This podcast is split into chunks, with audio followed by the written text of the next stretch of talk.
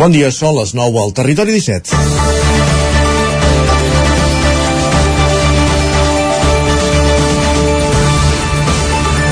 Divendres es feia el judici contra l'home que durant més de 3 anys ha estat assetjant per terra Mariaire, l'artista Paula Bonet. L'home es presentava al taller de l'artista per intentar interactuar amb ella, la qual cosa ella sempre s'hi va negar. En paral·lel també anava a esdeveniments i actes públics el que ella assistia, com xerrades, exposicions o presentacions de llibres, i li enviava correus electrònics i missatges amenaçadors a través de les xarxes socials. Tres anys que han estat un calvari per la dona. Divendres, un cop es va veure el presumpte assetjador sortint de la ciutat de la justícia, altres dones van identificar-lo també per haver comès ciberassetjament sobre elles. La Fiscalia demana 3 anys de presó per l'home i l'acusació particular eleva la petició a 4. Durant el judici, l'home va alegar que tenia un trastorn mental que li feia creure que ell, que ella n'estava enamorat. L'acusació qüestiona, ja que aquest no havia plantejat en la causa fins fa un mes, aquest cas, i perquè la forense adscrita al jutjat nega completament cap mena de trastorn.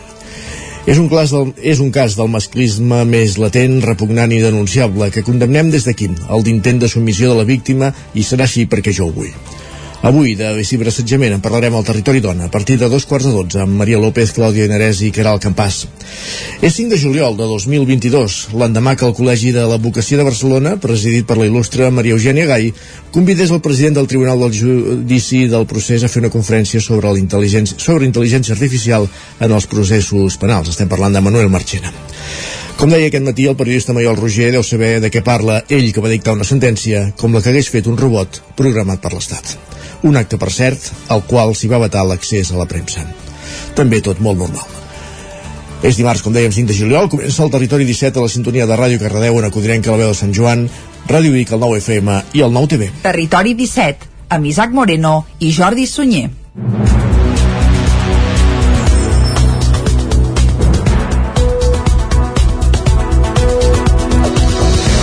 Doncs vinga, passen dos minuts de les 9 del matí d'avui dimarts, dia 5 de juliol de 2022, diada de Sant Miquel dels Sants, patró de la ciutat de Vic, i avui, doncs això, el Malic de la capital d'Osona, que està de festa. És el dia central de la seva festa major. Nosaltres, però, al peu del canó, aquí a Territori 17, i serem fent-vos companyia, com sempre, fins a les 12 del migdia. I de seguida ja us avancem tot el que tenim previst per avui. Durant la primera hora, com sempre, us acostarem tota l'actualitat de les nostres comarques amb tota la informació. A partir de les 10 actualitzarem butlletins informatius, parlarem del temps amb Pep Acosta i després anirem cap a l'entrevista. Avui, Isaac, des d'on? Avui anirem fins a Manlleu. Conversarem amb l'actor i director de teatre Jordi Arqués, membre de Còrcia Teatre que dirigeix durant aquest mes de juliol l'obra Refugiats a Manlleu i parlarem d'aquesta obra de teatre que es va estrenar divendres, que de fet es pot veure cada divendres i cada dissabte, com dèiem, a, Manlleu. Doncs una obra, una proposta molt aconsellable, que per cert no es fa en un teatre convencional, sinó una mica als magatzems de, de la mateixa companyia. Per Amb això ens ho explicarà... una antiga nau, sí. Sí, sí, ens per cert, explicarà és, millor el és un text de Sergi Bonpermayer, eh, el que han adaptat de fa 20 anys, però que Arqués ja admet que és del tot vigent. Refugiats es titula. Sí, malauradament continua sent del tot vigent. Més coses, a dos quarts d'onze arribaran les piulades puntualment com cada dia aquí a Territori 17. Tot seguit passarem per la taula de redacció i per després... cert, taula de redacció, la que anirem fins al seguici de la Festa Major de Vic, eh? Ah, exacte, ja hem dit que avui eh, estem de festa major, almenys a la capital d'Osona. I després d'anar de festa, el que farem és parlar del temps, que sempre interessa, eh? I avui amb en Manel Dot, oi? amb un dels observadors de la xarxa d'observadors la, meteorològics de la comarca d'Osona, Manel Dot, ja sabeu, ens acompanya un cop al mes per fer balanç del mes que deixem enrere. Avui amb ell farem balanç del mes de, de juny i ens diran, va, home, va. Manel Dot, el dia de Sant Miquel dels Sants, no pot venir a la ràdio perquè, entre altres coses, eh, està sota un cap de llúpia de la ciutat de Vic. Doncs no, aquest any ja no. No, ha deixat la vella, eh? Era Exacte. el portador de la vella, però bé, diguem que ja va escenificar el Territori relleu. 17. Avui serà el Territori 17. Bé, exacte, exacte. Doncs va, el Manel Dot ens parlarà del mes que deixem enrere i potser ens avança com pinta l'estiu i tot. Va, Una mica. una mica. Després, a les 11, actualitzarem de nou butlletins informatius i avui, com que és dimarts, i com que no el tenim a Vic, sinó a Granollers, ens toca Economia amb en Joan Carles Arredondo. Ja ho sabeu, el cap d'economia del 9-9 del Vallès Oriental i per tancar la temporada allò farem un còctel. Inflació, llindars de pobresa, repartiments escandalosos de dividends de les energètiques, evolució de l'atur, una mica tot aquest còctel de tot aquest eh, ambient econòmic de les darreres setmanes i mesos, eh, a la secció d'Economia d'avui, a partir d'un quart de dotze amb Joan Carles Arredondo. Vinga, un quart després, a dos quarts de dotze, puntualment arribarà la Trenc d'Alba, pujarem com cada dia a la R3 i avui, com que és dimarts, ho acabarem, com bé deies ja abans, amb el territori dona. Avui amb la Maria López, Clàudia Dinarès i Caval Campàs, eh, tocant, entre d'altres qüestions d'actualitat, els ciberassetjaments. Doncs vinga, ja estem situats i ja podem arrencar, i com sempre ho farem acostant-vos l'actualitat de les nostres comarques. Ja ho sabeu, les comarques del Ripollès, Osona, el Moianès i el Vallès Oriental. Esquerra Republicana presenta Maria Balasc com a candidata a l'alcaldia de Vic a les eleccions de 2023. Balasc aposta pel que va definir com un canvi segur a la ciutat, on des de la recuperació de la democràcia sempre ha governat Convergència i Unió i Junts. Des del grup que forma actualment el consistori, fins ara s'han confirmat com a caps de llista Maria Balasc, d'Esquerra, i Albert Castells, per Junts. Al Parc Jaume Balmes i davant de prop de 150 persones, Maria Balasc va fer divendres la seva presentació com a candidata d'Esquerra Republicana a l'alcaldia de Vic a les municipals del 2023 2023. Regidora des del 2015, Balasc encapçala la llista dels republicans per segona vegada a la capital d'Osona. El grup es postula com l'alternativa al govern de Convergència i Junts per Catalunya, que ha tingut la ciutat des de la restauració de la democràcia. Escoltem a Maria Balasc. El canvi segur per fer més i millor, per fer un Vic a l'alçada del que ens mereixem. I segur que ens posarem ràpidament d'acord quan ens imaginem una ciutat que inverteixi principalment i sense cap mena de dubte en polítiques socials efectives que tractin la ciutat d'una manera valenta, que no es tapi els ulls, que no s'hi posi d'esquena. Entre els projectes concrets que va desgranar Balasc hi ha un mercat municipal que sigui referent, multiplicar l'habitatge social, el dret a disposar d'una nova piscina municipal, més seguretat als barris o la igualtat d'oportunitats entre els infants. En un discurs enregistrat des de Suïssa, Marta Rovira, bigatana i secretària general d'Esquerra, també reclamava noves mirades sobre Vic.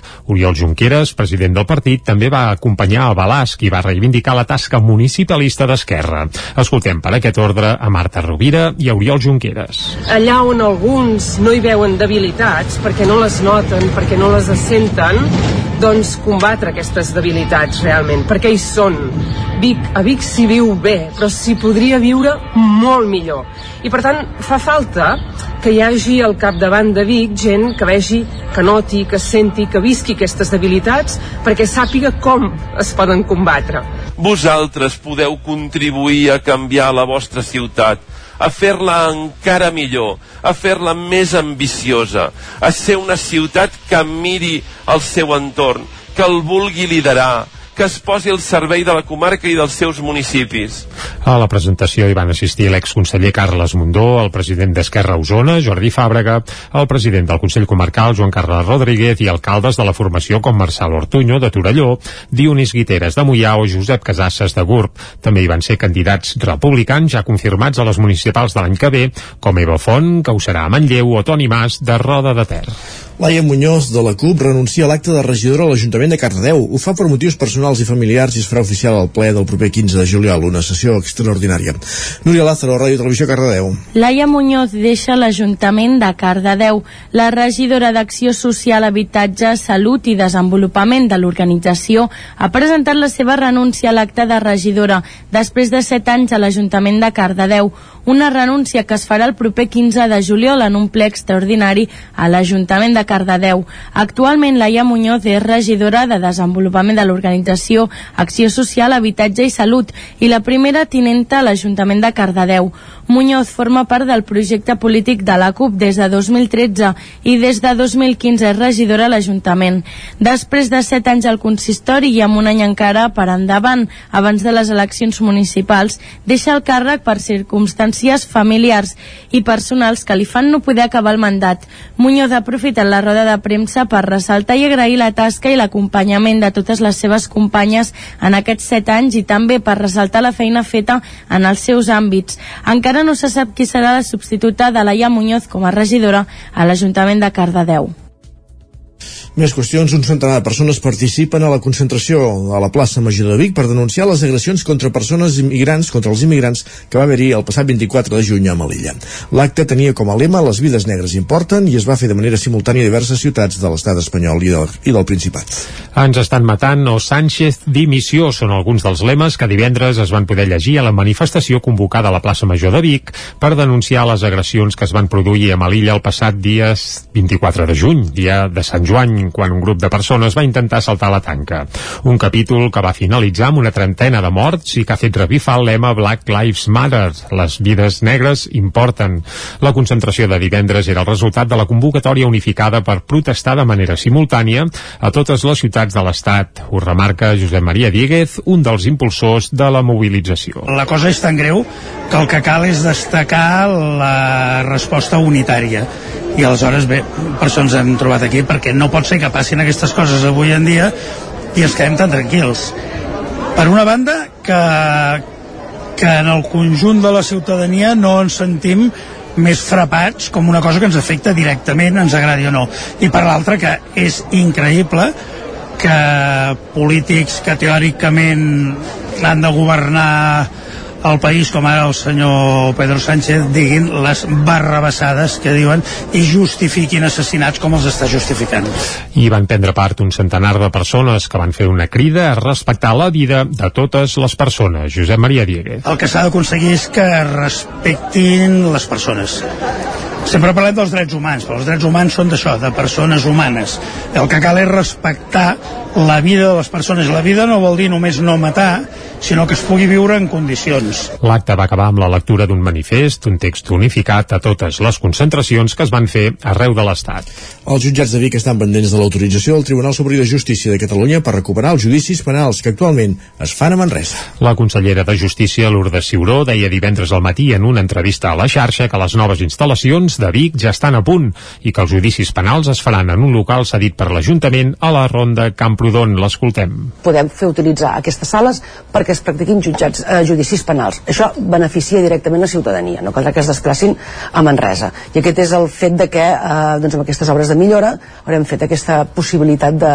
ho hem plantejat al Tribunal Superior i escolta, ja ho tenim a punt, esperem que vostès doncs, ho vegin bé a l'hora de fixar una data concreta pel retorn dels judicis penals a Vic, però la consellera no es va mullar. Esperem que la major brevetat, el problema és que sempre estem demanant, si fixa, que sempre estem demanant. O sigui, tenim competències, però limitades i coartades. La consellera també va reclamar un front comú de partits al Congrés davant la llei estatal que busca suprimir la figura dels jutges de pau actuals pels, per funcionaris municipals. L'Ajuntament de Sant Joan de les Abadesses renovarà gairebé tot l'enllumenat LED del poble aquest 2022 amb una inversió total de 420.000 euros. Isaac Muntades, des de l'Ajuntament de Sant Joan, des de la veu de Sant Joan, perdó, volem dir.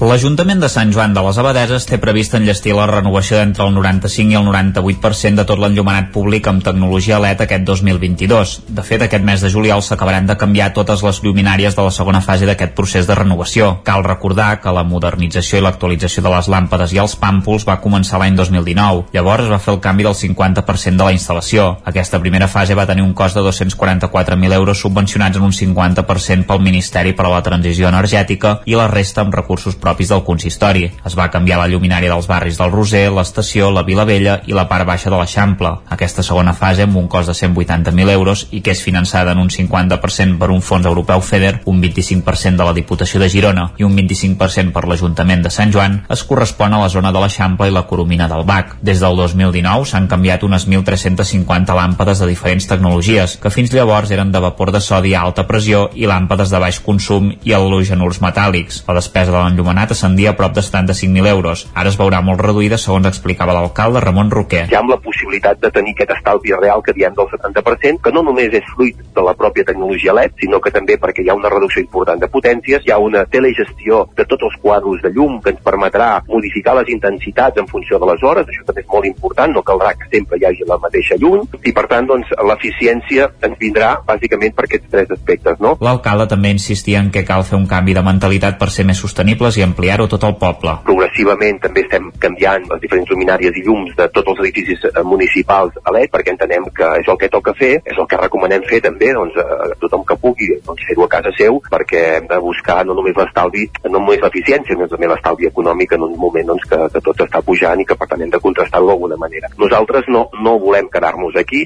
de fet ja, hem, ja estem planificant i ja hem demanat moltes línies per posar plaques als diferents equipaments municipals, per crear una comunitat energètica i per autoconsum i per tant estem en aquesta línia. Roquer va apuntar que l'Ajuntament ha dut a terme aquestes actuacions en un moment clau per les problemàtiques que generen l'increment del preu de la llum i del consum sobre els ciutadans. La consellera de Cultura, Natàlia Garriga, va assistir diumenge al concert que es va fer l'Orfeo Biguetà a l'Atlàntida, el concert central de la commemoració del seu 120è aniversari.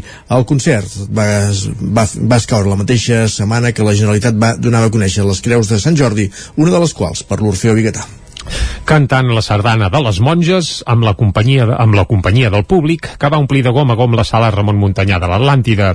Així va començar diumenge l'Orfeó Bigueta al concert del seu 120è aniversari. La formació s'havia ampliat amb una trentena de cantaires més per a l'actuació.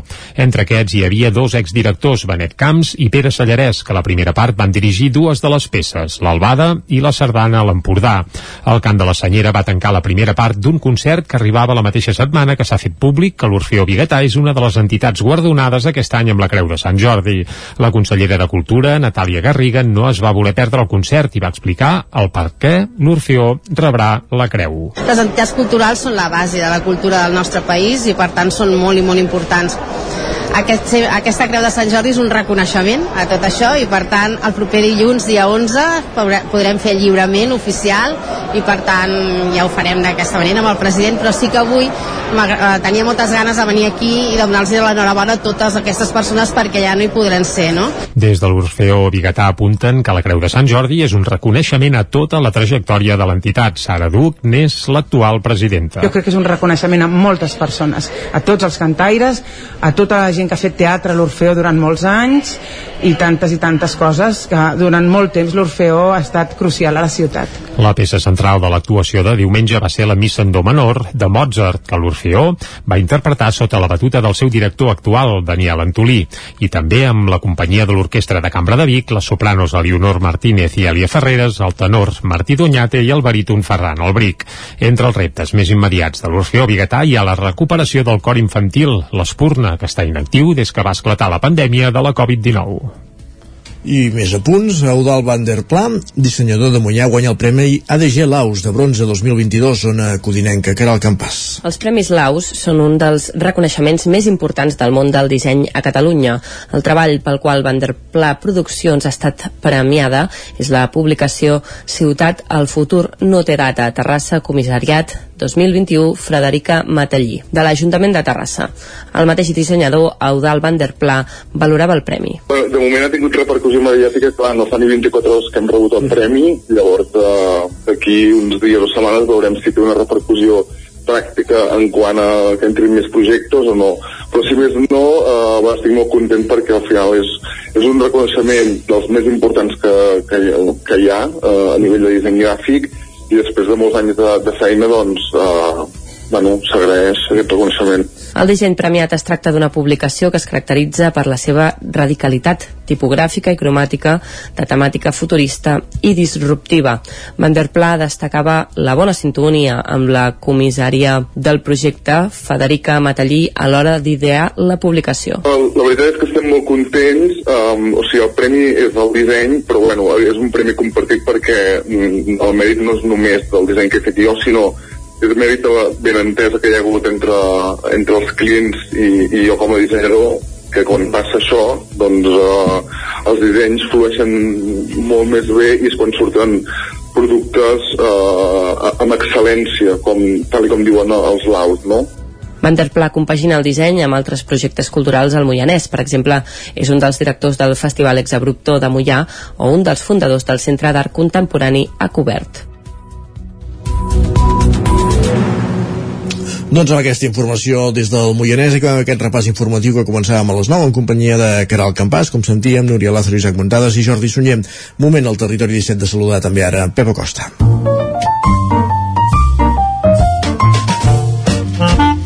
Casa Terradellos us ofereix el temps. Un Pep Acosta que, atenció, ja té la mirada posada amb d'aquí uns 10 dies que es veu que se'n prepara alguna que pot ser bèstia de calorada, eh? però vaja, deixem que, que ens ho expliqui ell. Pep, molt bon dia.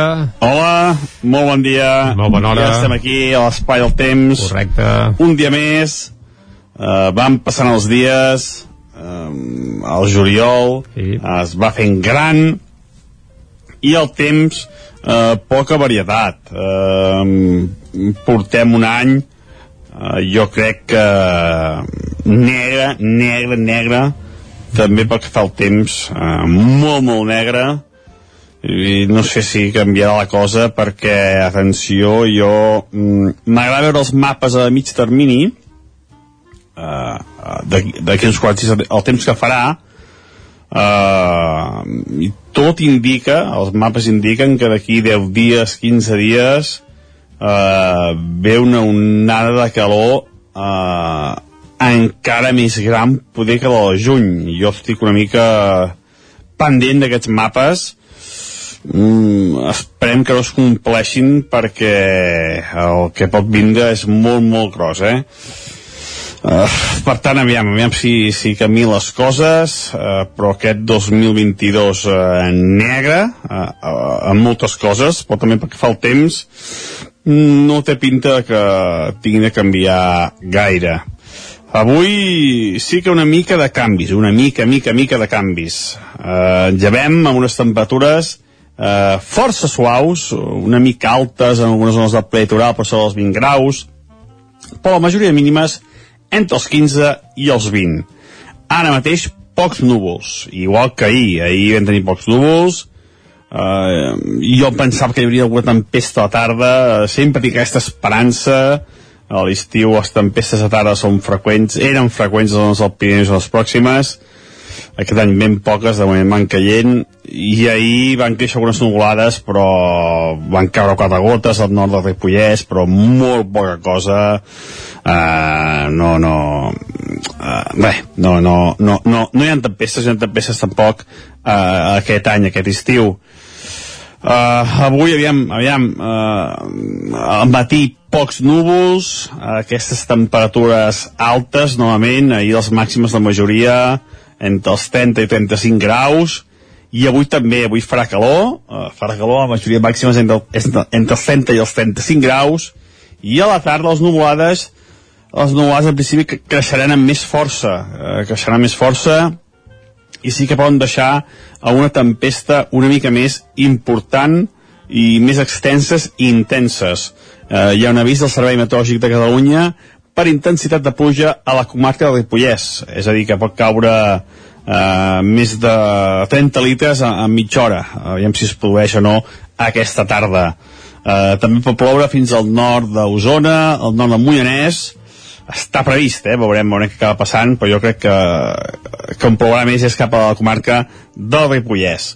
Els vents de direcció variable, eh, ja no hi ha eh, aquest vent de sud que fet que les temperatures pugessin tant, s'ha tallat aquesta injecció de vent de sud, i per això les temperatures ja no seran més altes que les d'ahir, seran valors semblants, però no pujaran més. I això és tot. Esperem aviam, aviam aquesta tarda quines tempestes tindrem i si va canviant una mica el temps i sobretot no es compleixen les prediccions durant la calor d'aquí 10-15 dies. Moltes gràcies, adeu. Vinga, que vagi bé, Pep. Ja ens preveu una gran onada de calor per d'aquí 10 dies, eh? Doncs vinga, és el que ens tocarà, comencem-nos a mentalitzar. Bé, de moment eh, esperem avui que hi hagi algun ruixat, que sempre aniria bé, el que refresqués, eh? I nord d'Osona, aviam si, ja. si baixa una mica, va. Vinga, uh, al quiosc. Anem al quiosc, vinga. Casa Tarradellas us ha ofert aquest espai. Voleu saber què diuen avui els diaris a les seves portades? Doncs per a l'orella. Per on comencem, Jordi? Doncs, com sempre ho farem pel punt avui, que titula el 25% el TC, el Tribunal Constitucional. Evidentment fa referència al percentatge el... en teoria de castellà a les escoles. El TCJ en diu que no, no, no, no veu manera d'aplicar eh, la sentència, mare de Déu. Bé, uh, suposo que tot plegat no serveix per res més que per anar allargant uh. L'agonia i ja es veurà com acaba, però, però bé, normalment aquestes coses ja se sap que, que no s'acaben mai. El Tribunal Superior de Justícia de Catalunya li passa la pilota i assenyala possibles infraccions de la llei catalana. A més a més, ja apunten que la llei podria tenir algun defecte de, de forma. La fotografia principal, però, no és per aquesta llei, sinó pel rebuig ciutadà al jutge Marchena. I és que Marchena va ser a Barcelona i bé, tot i que l'acte, com bé explicaves a l'hora d'arrencar el programa, era porta tancada sense presència de mitjans, sí que hi van assistir alguns advocats que bé, la majoria es van aixecar, el van plantar i van marxar doncs, quan arrencava una conferència sobre, bé, la veritat és que no sé ni sobre què era, intel·ligència artificial. processos penals. Doncs goita, goita que divertit. Més coses, l'atur cau... dels algoritmes. Sí, sí, sí, sí, sí, més coses del punt avui ens expliquen a la portada també que l'atur cau a Catalunya a la xifra més baixa des del 2008. Anem a l'ara. El Tribunal Superior de, Justici de Justícia de Catalunya admet que no pot aplicar el 25% i elevarà el cas al TC, en aquest cas al Tribunal Constitucional, en la mateixa línia que el punt avui. La fotografia, però, és per platges a vessar i diuen rècord d'ocupació mentre es dispara la despesa per turista. I és que la campanya d'estiu, almenys al Principat, ha arrencat sembla que amb molt bon peu. També Marchena rebut a crits fora i dins del Col·legi d'Advocats. Deixem l'ara, anem cap a l'avantguàrdia, xoca el govern central per una partida extra de 1.000 milions per defensa. Aquesta partida sembla que s'aprovaria avui mateix i ahir des d'Unides Podem doncs, no els hi ha acabat de fer gaire el pes. La fotografia a l'avantguàrdia, veiem si endevines per qui és. La reina, ai, Home, la, la princesa. Sí, sí, sí, sí, sí, tant, i tant. El diari més monàrquic que s'edita al Principat doncs, eh, fa honor a la seva fama i treu la princesa Eleonora portada explicant que condemna la guerra. I va Ahir va ser a Barcelona, va parlar una mica de català, déu nhi per cert, amb un accent força correcte, li devien bé, bé diguem que es, es notava que l'havien ensenyat bé, i va condemnar la guerra a Ucraïna. El periòdico, el baròmetre municipal, pronostica una victòria de Colau. Fa uns dies no ho acabaven de veure clar, ara el periòdico ja diu que Colau va per davant. El salt de l'Eurocopa, i és que el torneig femení que comença demà a Anglaterra consolida un model a l'alça. Estem parlant de futbol femení, eh? També hi ha una entrevista a Sandro Rossell, a Rossell, del periòdico, interessant. I ràpidament, va, anem a les portades que s'editen des de Madrid. Comencem pel País. Sánchez accelera amb la despesa en defensa malgrat el rebuig de Podem. A la Razón, els barons i alcaldes del PSOE volen un avançament electoral Mm, bé, doncs per voler que no quedin, però tenint en compte com els hi va últimament, més coses. El Mundo, posarem en risc el relat d'una transició exemplar. Uh, evidentment, qui diu això és uh, no pas gent del PSOE, sinó... Uh, Bé, saps que no sé qui ho diu? Ho posen entre cometes i no queda gaire clar, hauríem d'investigar, eh? però fem un cop d'ull a l'ABC, el govern espanyol ja coneix el risc de recessió i avisa no és traïdor. Pausa. El nou FM, la ràdio de casa, al 92.8. El Roures Parc de Ceba. Obrim a partir del 27 de juny pista de volei, pista 3x3, bar, zona de pícnic i una gran caseta de boles. Tres piscines amb un ampli entorn de gespa i arbredes frondoses per gaudir de la natura sense passar calor. I aquest any estrenem jocs infantils i tornen els tastets de volei pels més petits. El Roures Parc de Ceba obrim cada dia des de dos quarts d'onze fins a dos quarts de vuit del vespre. T'hi esperem. Per totes les coses que toques, colores, que sents i que plores. Per anar de la mà, per créixer, menjar, caminar i respirar. Tenim un pla per cridar la justícia per ser tots iguals. Tenim un pla pel plàstic que flota per cuidar la flora. Tenim un pla pel lloc on vols viure. Tenim un pla. Agenda 2030. Pirineus 2030. Uneix-te al pla. Generalitat de Catalunya. Tic, tac, tic, tac. Per fi, atac dental i radiografia dental a Torelló. A la Clínica Dental Sant Fortià hi trobareu un equip professional que treballa de manera coordinada per oferir un tracte sensible i humà. Estem preparats per qualsevol urgència dental i oferim accions preventives per la tercera edat i els infants. El doctor Ramon Garcia, implantòleg de Barcelona, fa 10 anys que visita Torelló. Truca'ns al 93 859 6408 i tindràs la primera visita gratuïta i la radiografia panoràmica i el tac dental sense cap cost. Clínica Dental Sant Fortià. Ens trobareu a la plaça Sant Fortià número 9 de Torelló al 93 859 6408. Tic, tac, tic, tac. Per fi, tac a Torelló. Passema, comercial de maquinària i utillatges amb més de 50 anys al vostre servei. Visiteu la nostra botiga i trobareu productes de gran qualitat. Passema, som al polígon Sot dels Pradals, al carrer Cervera 10 de Vic. Telèfon 93 885 32 51. Us desitgem una bona festa major de Vic. Cobertes serveis funeraris. Els nostres tanatoris estan ubicats en els nuclis urbans més poblats de la comarca d'Osona per oferir un millor servei. Tanatori de Vic, Tanatori de Manlleu, Tanatori de Centelles i Tanatori de Roda de Ter. Sabem que són moments difícils i per això el nostre compromís és atendre-us en tot moment amb un tracte humà, sensible i respectuós. Cobertes serveis funeraris. Telèfon 24 hores 93 883 23 46.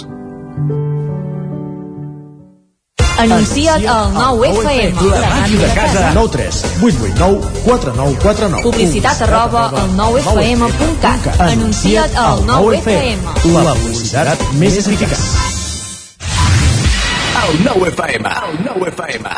En punt, dos quarts de deu, al territori 17. Territori 17, amb Isaac Moreno i Jordi Sunyer.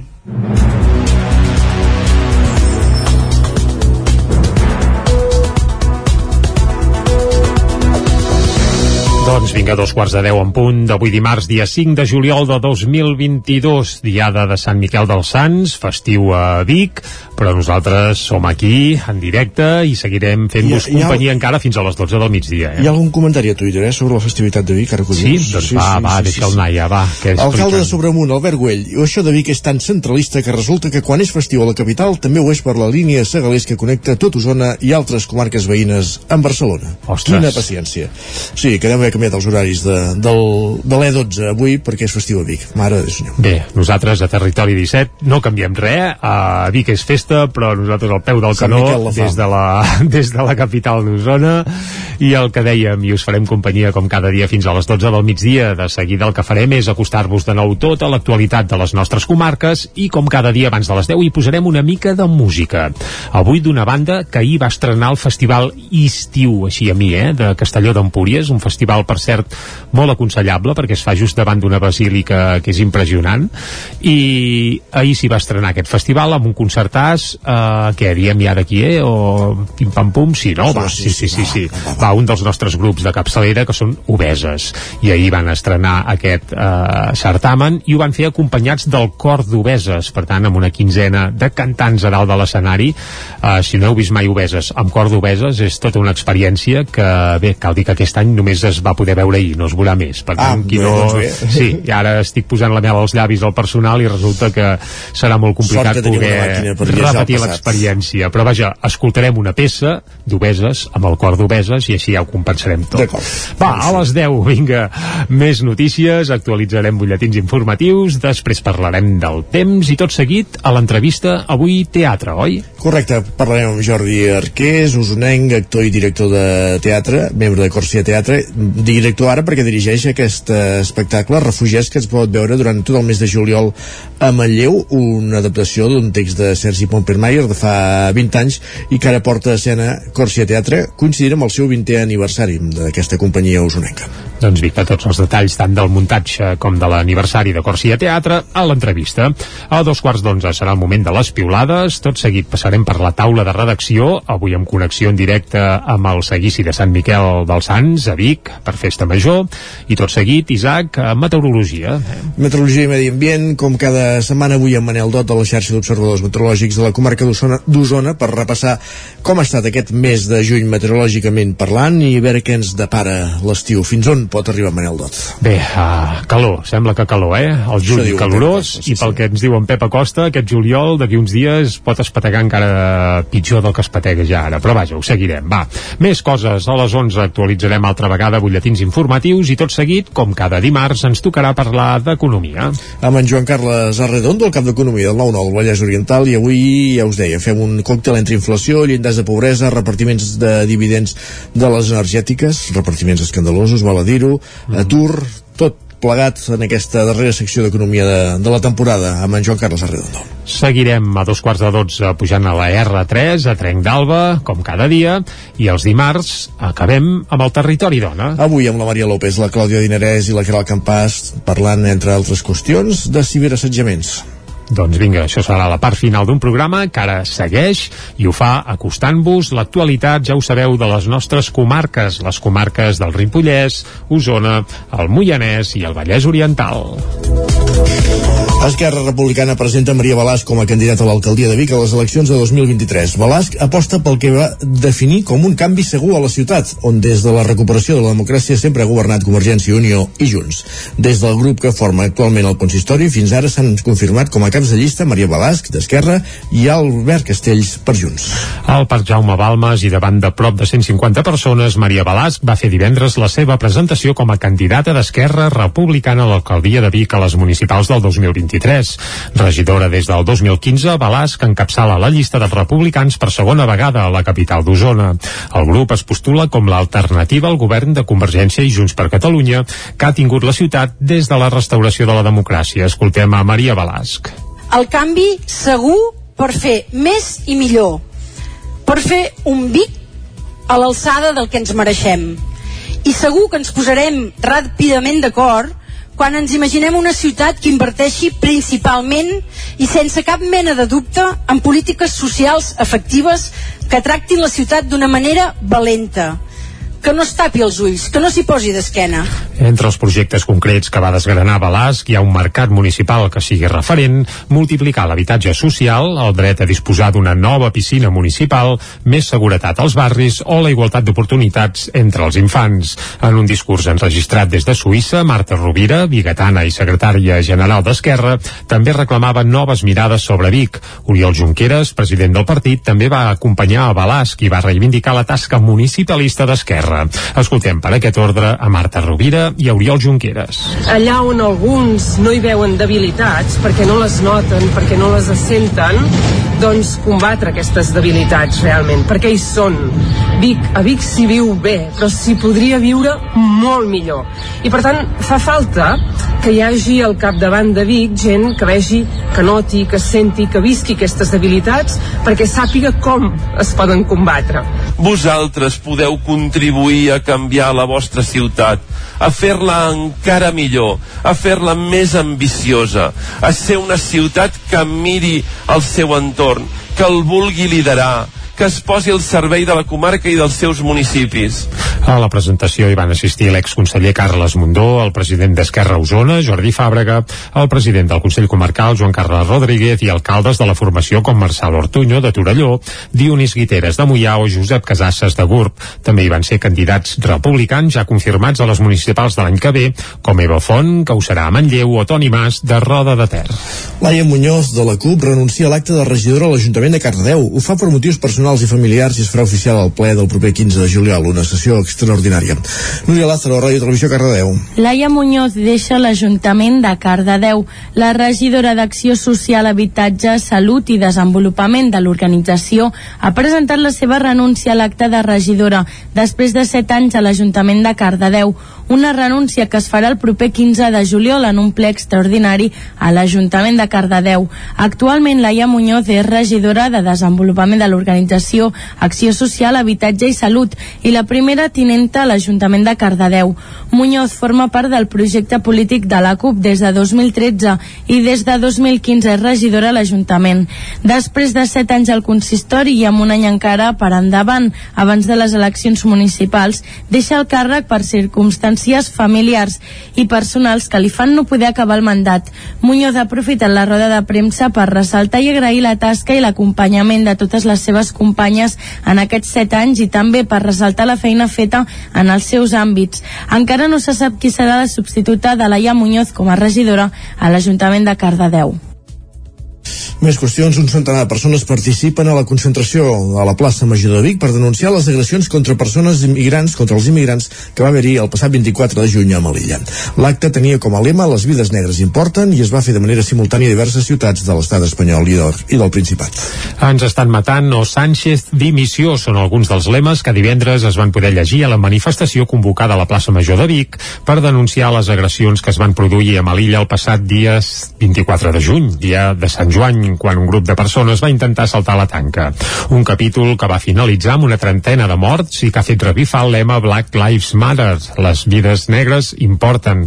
La concentració de divendres era el resultat de la convocatòria unificada per protestar de manera simultània a totes les ciutats de l'Estat. Ho remarca Josep Maria Díguez, un dels impulsors de la mobilització. La cosa és tan greu que el que cal és destacar la resposta unitària. I aleshores, bé, per això ens hem trobat aquí, perquè no pot ser que passin aquestes coses avui en dia i ens quedem tan tranquils. Per una banda, que, que en el conjunt de la ciutadania no ens sentim més frapats com una cosa que ens afecta directament, ens agradi o no. I per l'altra, que és increïble que polítics que teòricament han de governar al país, com ara el senyor Pedro Sánchez, diguin les barrabassades que diuen i justifiquin assassinats com els està justificant. I van prendre part un centenar de persones que van fer una crida a respectar la vida de totes les persones. Josep Maria Dieguez. El que s'ha d'aconseguir és que respectin les persones. Sempre parlem dels drets humans, però els drets humans són d'això, de persones humanes. El que cal és respectar la vida de les persones. La vida no vol dir només no matar, sinó que es pugui viure en condicions. L'acte va acabar amb la lectura d'un manifest, un text unificat a totes les concentracions que es van fer arreu de l'Estat. Els jutjats de Vic estan pendents de l'autorització del Tribunal Superior de Justícia de Catalunya per recuperar els judicis penals que actualment es fan a Manresa. La consellera de Justícia, Lourdes Ciuró, deia divendres al matí en una entrevista a la xarxa que les noves instal·lacions de Vic ja estan a punt i que els judicis penals es faran en un local cedit per l'Ajuntament a la Ronda Camprodon. L'escoltem. Podem fer utilitzar aquestes sales perquè es practiquin jutjats, eh, judicis penals. Això beneficia directament la ciutadania, no caldrà que es desplacin a Manresa. I aquest és el fet de que eh, doncs amb aquestes obres de millora haurem fet aquesta possibilitat de... Ho hem plantejat al Tribunal Superior i escolta, ja ho tenim a punt, esperem que vostès doncs, ho vegin bé a l'hora de fixar una data concreta pel retorn dels judicis penals a Vic, però la consellera no es va mullar. Esperem que la major brevetat, el problema és que sempre estem demanant, si fixa que sempre estem demanant. O sigui, tenim competències, però limitades i coartades. La consellera també va reclamar un front comú de partits al Congrés davant la llei estatal que busca suprimir la figura dels jutges de pau actuals pels per funcionaris municipals. L'Ajuntament de Sant Joan de les Abadesses renovarà gairebé tot l'enllumenat LED del poble aquest 2022 amb una inversió total de 420.000 euros. Isaac Muntades des de l'Ajuntament de Sant Joan, des de la veu de Sant Joan, perdó, volem dir. L'Ajuntament de Sant Joan de les Abadeses té previst enllestir la renovació d'entre el 95 i el 98% de tot l'enllumenat públic amb tecnologia LED aquest 2022. De fet, aquest mes de juliol s'acabaran de canviar totes les lluminàries de la segona fase d'aquest procés de renovació. Cal recordar que la modernització i l'actualització de les làmpades i els pàmpols va començar l'any 2019. Llavors es va fer el canvi del 50% de la instal·lació. Aquesta primera fase va tenir un cost de 244.000 euros subvencionats en un 50% pel Ministeri per a la Transició Energètica i la resta amb recursos propis del consistori. Es va canviar la lluminària dels barris del Roser, l'Estació, la Vila Vella i la part baixa de l'Eixample. Aquesta segona fase, amb un cost de 180.000 euros i que és finançada en un 50% per un fons europeu FEDER, un 25% de la Diputació de Girona i un 25% per l'Ajuntament de Sant Joan, es correspon a la zona de l'Eixample i la Coromina del Bac. Des del 2019 s'han canviat unes 1.350 làmpades de diferents tecnologies, que fins llavors eren de vapor de sodi a alta pressió i làmpades de baix consum i halogenurs metàl·lics. La despesa de l'enllumenat demanat ascendia a prop de 75.000 euros. Ara es veurà molt reduïda, segons explicava l'alcalde Ramon Roquer. Ja amb la possibilitat de tenir aquest estalvi real que diem del 70%, que no només és fruit de la pròpia tecnologia LED, sinó que també perquè hi ha una reducció important de potències, hi ha una telegestió de tots els quadros de llum que ens permetrà modificar les intensitats en funció de les hores, això també és molt important, no caldrà que sempre hi hagi la mateixa llum, i per tant doncs, l'eficiència ens vindrà bàsicament per aquests tres aspectes. No? L'alcalde també insistia en que cal fer un canvi de mentalitat per ser més sostenibles i ampliar-ho tot el poble. Progressivament també estem canviant les diferents luminàries i llums de tots els edificis eh, municipals a LED perquè entenem que és el que toca fer, és el que recomanem fer també doncs, a tothom que pugui doncs, fer-ho a casa seu perquè hem de buscar no només l'estalvi, no només l'eficiència, sinó també l'estalvi econòmic en un moment doncs, que, que tot està pujant i que per tant hem de contrastar-ho d'alguna manera. Nosaltres no, no volem quedar-nos aquí, de fet ja, hem, ja estem planificant i ja hem demanat moltes línies per posar plaques als diferents equipaments municipals, per crear una comunitat energètica i per autoconsum i per tant estem en aquesta línia. Roquer va apuntar que l'Ajuntament ha dut a terme aquestes actuacions en un moment clau per les problemàtiques que generen l'increment del preu de la llum i del consum sobre els ciutadans. La consellera de Cultura, Natàlia Garriga, va assistir diumenge al concert que es va fer l'Orfeo Biguetà a l'Atlàntida, el concert central de la commemoració del seu 120è aniversari. El concert va, va, va escaure la mateixa setmana que la Generalitat va donar a conèixer les creus de Sant Jordi, una de les quals per l'Orfeo Biguetà cantant la sardana de les monges amb la companyia, amb la companyia del públic que va omplir de gom a gom la sala Ramon Muntanyà de l'Atlàntida. Així va començar diumenge l'Orfeó Biguetà el concert del seu 120è aniversari. La formació seria ampliat amb una trentena de cantaires més per a l'actuació. Entre aquests hi havia dos exdirectors, Benet Camps i Pere Sallarès, que la primera part van dirigir dues de les peces, l'Albada i la Sardana a l'Empordà. El cant de la Senyera va tancar la primera part d'un concert que arribava la mateixa setmana que s'ha fet públic que l'Orfeó Biguetà és una de les entitats guardonades aquest any amb la Creu de Sant Jordi. La consellera de Cultura, Natàlia Garriga, no es va voler perdre el concert i va explicar el per què l'Orfeó rebrà la Creu. Les entitats culturals són la base de la cultura del nostre país i per tant són molt i molt importants. Aquest, aquesta Creu de Sant Jordi és un reconeixement a tot això i per tant el proper dilluns dia 11 podrem fer el lliurament oficial i per tant ja ho farem d'aquesta manera amb el president però sí que avui tenia moltes ganes de venir aquí i donar-los l'enhorabona a totes aquestes persones perquè ja no hi podran ser, no? Des de l'Orfeo Bigatà apunten que la Creu de Sant Jordi és un reconeixement a tota la trajectòria de l'entitat. Sara Duc n'és l'actual presidenta. Jo crec que és un reconeixement a moltes persones, a tots els cantaires, a tota la gent que ha fet teatre a l'Orfeo durant molts anys i tantes i tantes coses que durant molt temps l'Orfeo ha estat crucial a la ciutat. La peça central de l'actuació de diumenge va ser la Missa en Do menor de Mozart, que l'Orfeo va interpretar sota la batuta del seu director actual, Daniel Antolí, i també amb la companyia de l'Orquestra de Cambra de Vic, les sopranos Elionor Martínez i Elia Ferreres, el tenor Martí Doñate i el baríton Ferran Albric. Entre els reptes més immediats de l'Orfeo Bigatà hi ha la recuperació del cor infantil, l'Espurna, que està inactiu des que va esclatar la pandèmia de la Covid-19. I més a punts, Eudal van der Plam, dissenyador de Mollà, guanya el Premi ADG Laus de bronze 2022, zona codinenca, que era el campàs. Els Premis Laus són un dels reconeixements més importants del món del disseny a Catalunya. El treball pel qual Van der Pla Produccions ha estat premiada és la publicació Ciutat al futur no té data, Terrassa Comissariat 2021, Frederica Matallí, de l'Ajuntament de Terrassa. El mateix dissenyador, Eudal van der Pla, valorava el premi. De moment ha tingut repercussió mediàtica, clar, no fa ni 24 hores que hem rebut el premi, llavors eh, d'aquí uns dies o setmanes veurem si té una repercussió pràctica en quant a que entrin més projectes o no. Però si més no, eh, estic molt content perquè al final és, és un reconeixement dels més importants que, que, que hi ha eh, a nivell de disseny gràfic i després de molts anys de, de feina doncs eh, bueno, s'agraeix aquest reconeixement. El disseny premiat es tracta d'una publicació que es caracteritza per la seva radicalitat tipogràfica i cromàtica de temàtica futurista i disruptiva. Van der Pla destacava la bona sintonia amb la comissària del projecte, Federica Matallí, a l'hora d'idear la publicació. La veritat és que estem molt contents, um, o sigui, el premi és el disseny, però bueno, és un premi compartit perquè mm, el mèrit no és només del disseny que he fet jo, sinó és mèrit de la benentesa que hi ha hagut entre, entre els clients i, i jo com a dissenyador que quan passa això doncs eh, els dissenys flueixen molt més bé i és quan surten productes eh, amb excel·lència com, tal com diuen els laus no?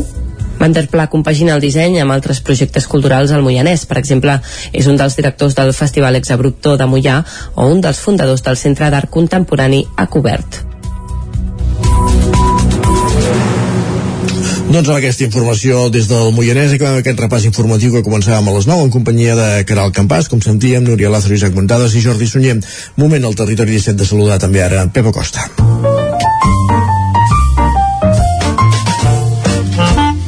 Casa Terradellos us ofereix el temps. Un Pep Acosta que, atenció, ja té la mirada posada amb d'aquí uns 10 dies que es veu que se'n prepara alguna que pot ser bèstia de calorada, eh? però vaja, deixem que, que ens ho expliqui ell. Pep, molt bon dia. Hola, molt bon dia. Molt bona hora. Ja estem aquí a l'Espai del Temps. Correcte. Un dia més. Uh, van passant els dies.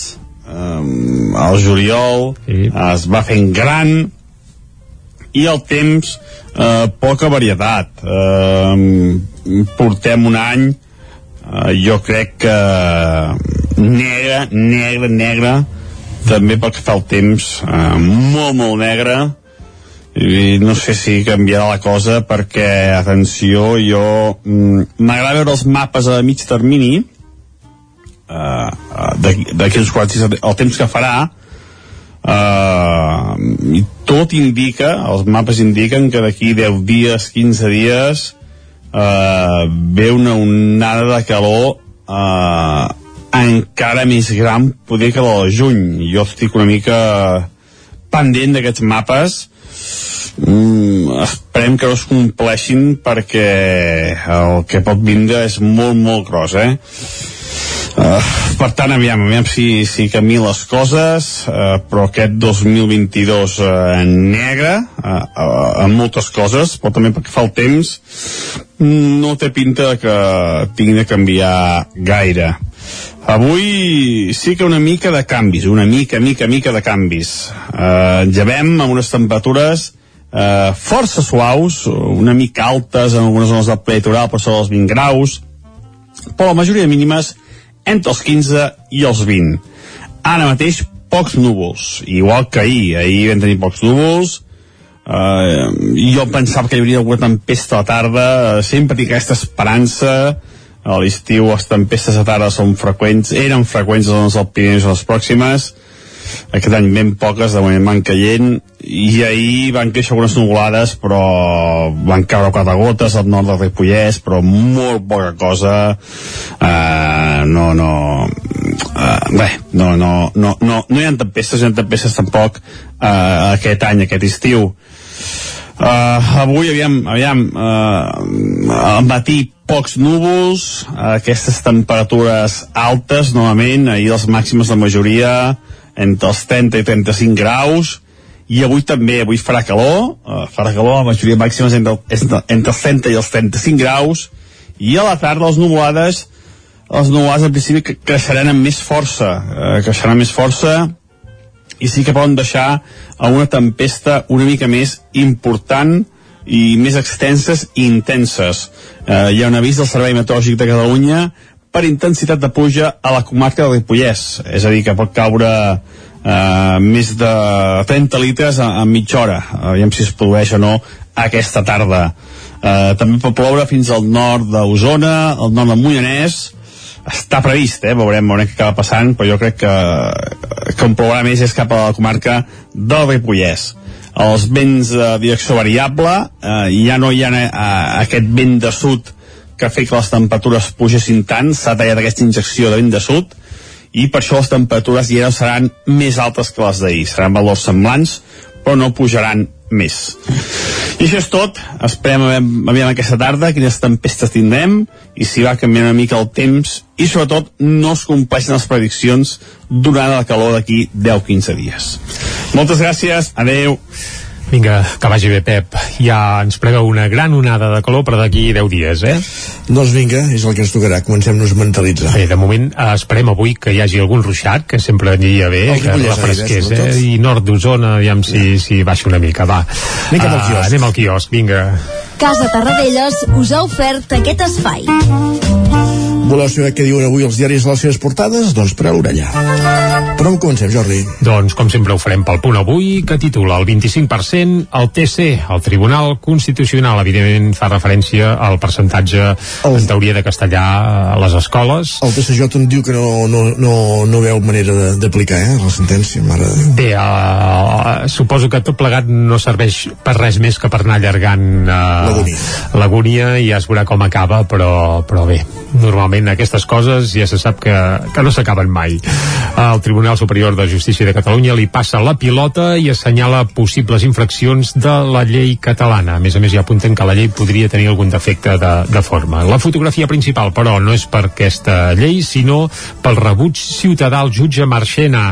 I és que Marchena va ser a Barcelona i bé, tot i que l'acte com bé explicaves a l'hora d'arrencar el programa era porta tancada sense presència de mitjans sí que hi van assistir alguns advocats que bé, la majoria es van aixecar, el van plantar i van marxar doncs, quan arrencava una conferència sobre, bé, la veritat és que no sé ni sobre què era, intel·ligència artificial. Penal. Doncs goita, goita que divertit. Més coses, la Turcau... dels algoritmes. Sí, sí, sí, sí, sí, més coses del punt avui ens expliquen a la portada també que l'atur cau a Catalunya a la xifra més baixa des del 2008. Anem a l'ara. El Tribunal Superior de Justícia, de Justícia de Catalunya admet que no pot aplicar el 25% i elevarà el cas al TC, en aquest cas al Tribunal Constitucional, en la mateixa línia que el punt avui. La fotografia, però, és per platges a vessar i diuen rècord d'ocupació mentre es dispara la despesa per turista. I és que la campanya d'estiu, almenys el Principat, ha arrencat, sembla que amb molt bon peu. També Marchena rebut a crits fora i dins del Col·legi d'Advocats. Deixem l'ara, anem cap a l'avantguàrdia, xoca el govern central per una partida extra de 1.000 milions per defensa. Aquesta partida sembla que s'aprovaria avui mateix i ahir des d'Unides Podem doncs, no els hi ha acabat de fer gaire el pes. La fotografia a l'avantguàrdia, veiem si endevines per qui és. La reina, ahir Home, la, la princesa. Sí, sí, sí, sí, i tant, i tant. El diari més monàrquic que s'edita al Principat doncs eh, fa honor a la seva fama i treu la princesa Eleonora portada explicant que condemna la guerra. I va Ahir va ser a Barcelona, va parlar una mica de català, déu nhi per cert, amb un accent força correcte, li devien bé, bé diguem que es, es notava que l'havien ensenyat bé, i va condemnar la guerra a Ucraïna. El periòdico, el baròmetre municipal, pronostica una victòria de Colau. Fa uns dies no ho acabaven de veure clar, ara el periòdico ja diu que Colau va per davant. El salt de l'Eurocopa, i és que el torneig femení que comença demà a Anglaterra consolida un model a l'alça. Estem parlant de futbol femení, eh? També hi ha una entrevista a Sandro Rossell, a Rossell, al periòdico, interessant. I ràpidament, va, anem a les portades que s'editen des de Madrid. Comencem pel país. Sánchez accelera amb la despesa en defensa malgrat el rebuig de Podem. A la Razón, els barons i alcaldes del PSOE volen un avançament electoral. Mm, Bé, doncs per voler que no quedin, però tenint en compte com els hi va últimament, més coses. El Mundo posarem en risc el relat d'una transició exemplar uh, evidentment qui diu això és uh, no pas gent del PSOE sinó uh, bé, saps que no sé qui ho diu ho, ho posen entre cometes i no queda gaire clar hauríem d'investigar, eh? però fem un cop d'ull a l'ABC, el govern espanyol ja coneix el risc de recessió i avisa no és traïdor. Doncs des del munt, el munt d'aquesta cita de posar en xec el relat de, de la transició, qui ho diu era Bildu. Bé, i arribats a aquest punt, després de repassar les portades, després de passar pel quiosc, el que fem al territori 17, com sempre, és arribar a les 10 amb música, i avui ja us hem avançat que ens acompanya, ho farem acompanyats d'Obeses, amb una cançó, Fills de la mateixa mare, una cançó interpretada per Obeses i el cor d'Obeses, que inauguraven el Festival Estiu a Castelló d'Empúries l'únic concert que els usonencs faran aquest estiu acompanyats, com dèiem, de, del cor d'Obeses.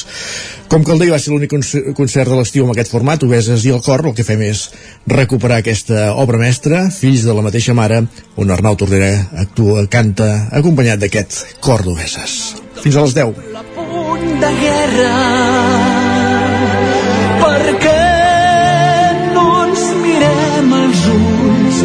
fem enrere pors i orgulls i escoltem la veu de l'altre.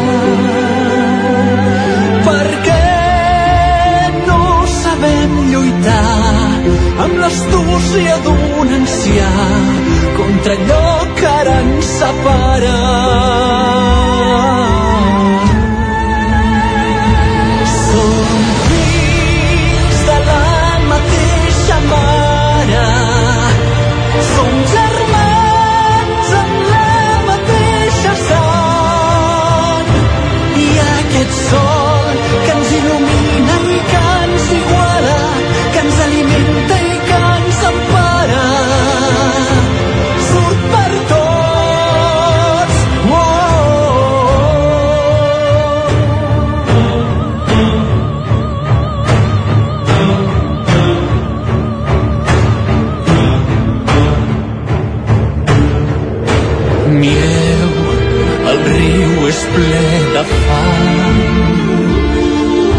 fumegen aquells boscos on jugàvem tant. Per què no hem sabut parar? Si al final eren tot derrotes, on són ara els vencedors? Si el present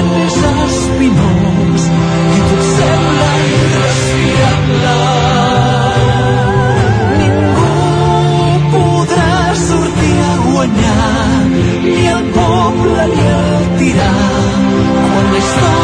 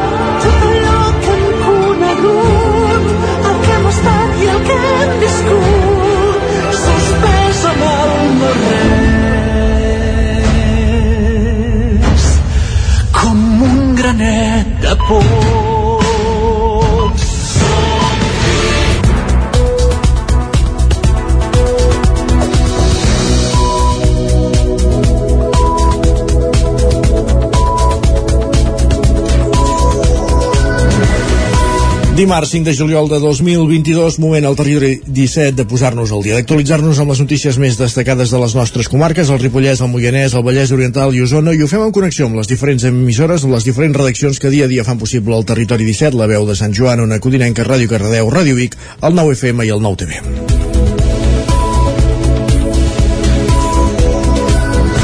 Després de 5 anys d'intervencions, finalment s'ha inaugurat la remodelació de la pista i el nou traçat del circuit d'Osona. El projecte, que ha tingut un cost d'1,2 milions d'euros, ha de permetre acollir competicions de velocitat de primer nivell. Natàlia circuit-. El circuit d'Osona ha reobert portes després de quatre mesos tancat al públic per finalitzar la segona fase d'obres. El circuit s'ha adaptat a les curses de velocitat. Ara compta amb una longitud de 1.263 metres, més de 300 metres nous de pista i té una recta principal de 132 metres. També compta amb una variant del traçat que permet augmentar la seva longitud a 1.467 metres per les curses de resistència. Unes obres que han de permetre obtenir una homologació internacional que pugui acollir proves de primer nivell i més exigència esportiva. Així ho espera Joan Penedès, president de l'escuderia Osona. és la demanda que tenien els pilots no? que no, no, no es tracta d'anar per sinó que volen pujades, baixades, frenades volen, volen tenir que hi tinguin tot el contingut i això és el que hem, el que hem intentat fer el principal i el que més eh, ens satisfà és que puguem continuar fent esport eh? això és el primer de tot ara el següent pas que hem de fer és acabar-ho perquè s'hi puguin disputar eh, curses amb normalitat i amb, i amb tots els elements que necessita una organització Les obres s'han finançat a quatre bandes. El projecte ha tingut un cost d'1.234.000 euros. L'Ajuntament de Vic ja ha aportat uns 400.000 euros, la Generalitat 330.000, la Diputació 150.000 i la resta ha estat finançada per l'Escuderia Osona amb fons propis. Titi Roca és el regidor d'Esports de l'Ajuntament de Vic. hi ha molta gent a darrere que ha, que ha treballat en el projecte i que ha intentat que fos possible. Per tant, avui fiquem una primera pedra molt, molt, molt important. Segurament, com diuen, queda algun altre pas per fer, però estic convençut que era molt necessari tenir això que avui tenim al nostre darrere per poder tenir aquesta projecció que des del primer dia es té. El projecte en el seu conjunt encara no està acabat. En una tercera fase es contempla la construcció de nous equipaments, un parc d'assistència, la renovació dels boxes i del paddock, la torre de control i un magatzem. Encara no hi ha fixada cap data per l'inici d'aquesta última fase. Josep Marc és el secretari territorial de l'Esport a Barcelona de la Generalitat. Sé que eh, heu patit molt, eh, vull dir, ho, ho, hem, ho hem vist, heu patit molt l'escuderia i també el consistori per estar darrere d'aquest projecte, per tant, també molt contents que al final eh, estigui aquesta carpeta gairebé eh, mig tancada. Les proves de caràcter internacional o del Campionat d'Espanya amb unes necessitats més complexes s'aniran incorporant al calendari del circuit de manera progressiva i a mesura que les obres se situïn a la definitiva fase 3. Més qüestions. Cardedeu també se suma a les concentracions contra els fets del 24 de juny a la frontera de Melilla. Núria Lázaro, Ràdio Televisió, Cardedeu. Divendres passat, arreu del territori espanyol es van convocar concentracions a dos quarts de vuit del vespre com a mostra de queixa de les morts produïdes el 24 de juny a la frontera on 37 persones migrants van morir en el costat marroquí de la frontera, a part de diversos ferits. A Cardedeu l'acte va acollir prop d'un centenar de persones. Laura Gandia. Penso que és una, una, una vergonya uh, increïble, no? perquè a més crec que no és que no hi hagi acció, que hi hagi poca acció, sinó que Pedro Sánchez fa declaracions agraint la feina dels cossos de seguretat marroquins i espanyol, no? dient que l'assumpte estava ben resolt i a mi em sembla bueno, una, una vergonya increïble que es cauen les, les caretes no? que van del govern progressista i que aquí es veu que l'únic que interessa és protegir els, els seus interessos no? I, per, i, que, i les fronteres com a màxim representació no? d'aquesta protecció i, i em sembla inhumà. Durant l'acte va haver micro obert on tots els presents que volien van poder fer-hi parlaments i diverses persones van animar l'acció ciutadana, ja sigui a través de la recollida de firmes o ajudar a processos de legalització de persones migrades. Senen Roy, veí de Cardedeu. El pensament polític té a veure amb la pressió que reben i si no en reben ells van fent la, segons els seus interessos d'altres interessos que sí que apreten no? aquí hi ha com una apel·lació molt forta a la ciutadania ordinària a o ens organitzem i, i trobem maneres de fer pressió política o estem venuts. En l'acte hi va haver un micro obert on tots els presents que van voler van poder fer parlaments, denunciar el racisme i diversos músics com el Roger Canals van cantar reivindicant la lluita i la solidaritat. Agroplana, la nova societat formada de la Unió de Grans de Lluçanès i la cooperativa Plana de Vic comença a introduir un nou sorgo més productiu en la sembra d'aquest estiu. Mentre que en alguns camps és la segadora la màquina que treballa aquests dies, en altres és la sembradora. Paral·lelament a la sega, en els camps que ja s'ha collit gra o ferratge d'hivern, com poden ser algunes varietats de blat i sègol, és el moment del cultiu d'estiu. Històricament s'hi conreava blat de moro, que un cop ensitjat a la tardor es converteix en ferratge per l'hivern. En els darrers anys, però, el sorgo ha anat guanyant terreny i en aquest escenari, aquest estiu, s'estrena Agroplana, la societat conjunta de la cooperativa Plana de Vic i Grans del Lluçanès. I Agroplana s'ha estrenat començant a sembrar el sorgo MBR, la seva gran aposta per millorar la rendibilitat dels ferratges d'estiu. Aquesta nova varietat de sorgo té una peculiaritat més òptima per al vacum de llet i a més pot competir amb el blat de moro en situacions d'estrès hídric. També es farà una prova pilot en un camp de regadiu per veure si el nou sorgo iguala el rendiment del blat de moro. Agroplana intervindrà en unes 800 hectàrees de les 2.000 de sorgo que es plantaran aquest estiu a la plana. D'aquestes, 500 hectàrees seran amb el sorgo MBR. Entrada a la tardor serà el moment de fer balanç. L'Estany presenta una guia turística del municipi feta, feta pels infants de l'Escola Rural del Poble, Ona Codinenca, Caral Campàs. Conèixer i saber explicar la història dels capitells del monestir de l'Estany, aprendre a mesurar un tram de la mina, a partir del mite de Teseu i el Minotaure o fer una ruta teatralitzada del poble. Aquestes són algunes de les competències que han posat en pràctica els alumnes de l'Escola Rural de l'Estany aquest curs i que ha culminat amb una guia turística del poble. La Lucía és alumna de cinquè i ens posa un exemple del que ha après. Quan ja després ens van explicar la història del monestir, jo vaig aprendre pues, per què servia el monestir, co com, com, eh, quin significat tenia cap, eh, cada capitell i com, vivi, i com vivien aquí els monjos agustinians. Tot plegat va néixer amb la necessitat que la guia del monestir va plantejar a l'escola perquè l'ajudessin a entendre millor una demanda cada vegada més creixent de públic familiar que volia visitar el monestir. El projecte s'ha fet amb el suport de l'Ajuntament. Maite Almodóvar és la regidora d'Educació. El Toni ens parla molt aviat del projecte ell ja s'havia posat d'acord amb l'Anna del monestir i ens va semblar perfecte perquè nosaltres el que volem és incentivar les visites de públic familiar. I aleshores doncs, el que varen fer va ser sumar esforços per donar a conèixer el patrimoni natural i cultural matemàtiques, coneixement del medi social, art, llengua o coneixement del medi natural només són algunes de les matèries que els alumnes de l'Escola de l'Estany han anat tractant durant aquest curs per elaborar una guia turística del seu municipi. Gràcies, Caral. Avui, 5 de juliol, és el dia de Sant Miquel dels Sants, el dia dels actes més tradicionals de la Festa Major de Vic, amb el seguici que ja està en marxa des de primera hora del matí. A dos quarts d'una hi haurà els balls a la plaça de la Catedral i al vespre també avui l'Orquestra Meravella a la plaça Major, un altre dels clàssics de la Festa Major biguetana. Esports. La Liga Deportiva Alajuelense de l'entrenador ripollès Albert Roder haurà de remuntar per guanyar la Lliga de Clausura de Costa Rica, on entrena Roder. Isaac Muntades, des de la veu de Sant Joan. La Liga Deportiva Alajuelense del tècnic ripollès Albert Roder haurà de remuntar per guanyar la gran final del torneig de clausura de la Lliga de Costa Rica. L'equip entrenat per Roder va perdre per 1 a 0 el partit d'anada de la final celebrat aquest diumenge a l'estadi del Cartaginès. A més, la derrota va ser dolorosa, ja que van perdre amb un gol de Jeikel Venegas al minut 91 amb un xut que va tocar el travesser i va votar a dins. La Liga va fer un partit força discret en què no va aconseguir rematar a porteria. Podem escoltar el tècnic ripollès Albert Roder i l'entrenador del Cartaginès, Heiner Segura, fent una valoració del partit y cómo afrontan la turnada. Yo creo que los partidos de, de, finales tienen que ser cerrados, por definición. Tú no puedes salir una final y abrirte, sobre todo fuera de casa. Entonces nosotros hemos planteado un partido cerrado, pero yéndolo a buscar. Nosotros hemos intentado soltar ya jugadores más ofensivos para intentar ir a buscar el partido. No se nos ha dado y al final salimos de aquí con una derrota en los últimos minutos, pero sabemos perfectamente lo que tenemos que hacer en casa. Aquí lo tenemos claro. Cuando ha acabado el partido, como digo, los jugadores estaban ya deseosos de jugar mañana a la vuelta y estamos seguros que vamos a remontar.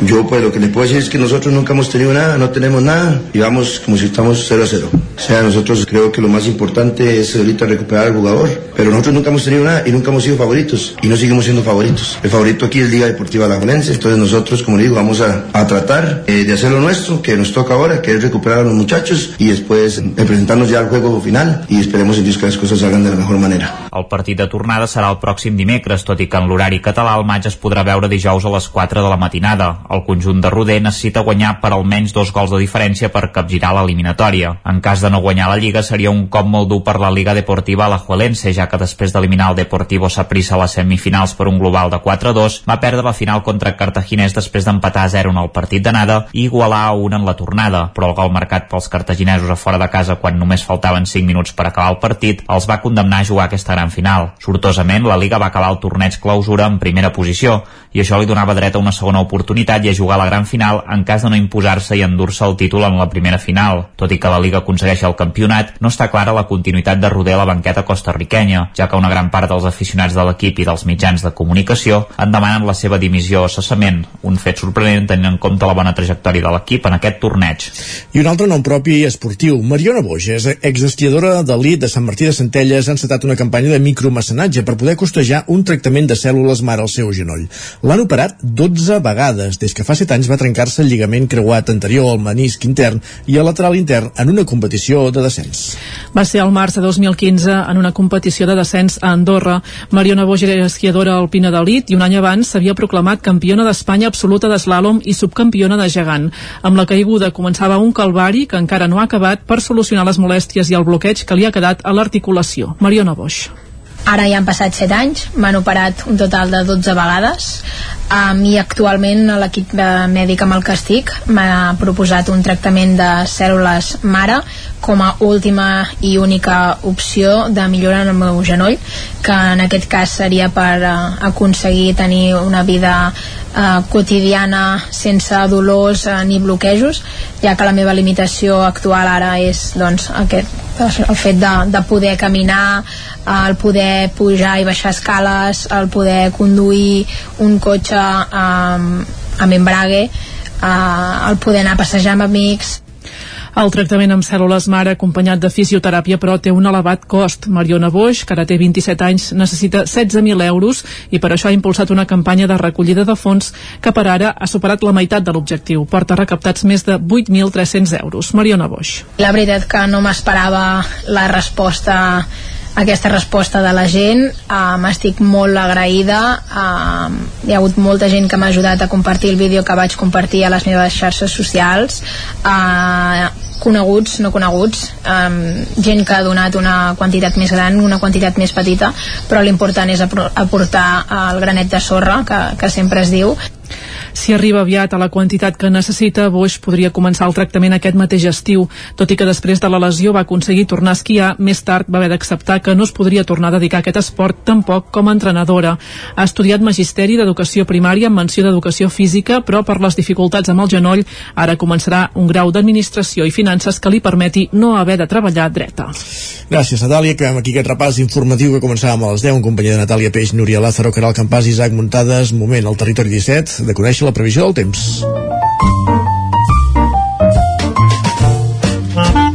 Casa Terradellos us ofereix el temps. Motiu pel qual saludem Pep Acosta. Bon dia, Pep.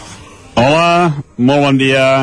Avui sí que una mica de canvis, una mica, mica, mica de canvis. Uh, ja vam amb unes temperatures uh, força suaus, una mica altes en algunes zones del prelitoral per sobre els 20 graus, però la majoria mínimes entre els 15 i els 20 ara mateix pocs núvols, igual que ahir. Ahir vam tenir pocs núvols, Uh, jo pensava que hi hauria alguna tempesta a la tarda, sempre tinc aquesta esperança, a l'estiu les tempestes a tarda són freqüents, eren freqüents les del Pirineus les pròximes, aquest any ben poques, de moment van caient, i ahir van créixer algunes nuvolades, però van caure quatre gotes al nord del Ripollès, però molt poca cosa, uh, no, no, uh, bé, no, no, no, no, no hi ha tempestes, no hi ha tempestes tampoc uh, aquest any, aquest estiu.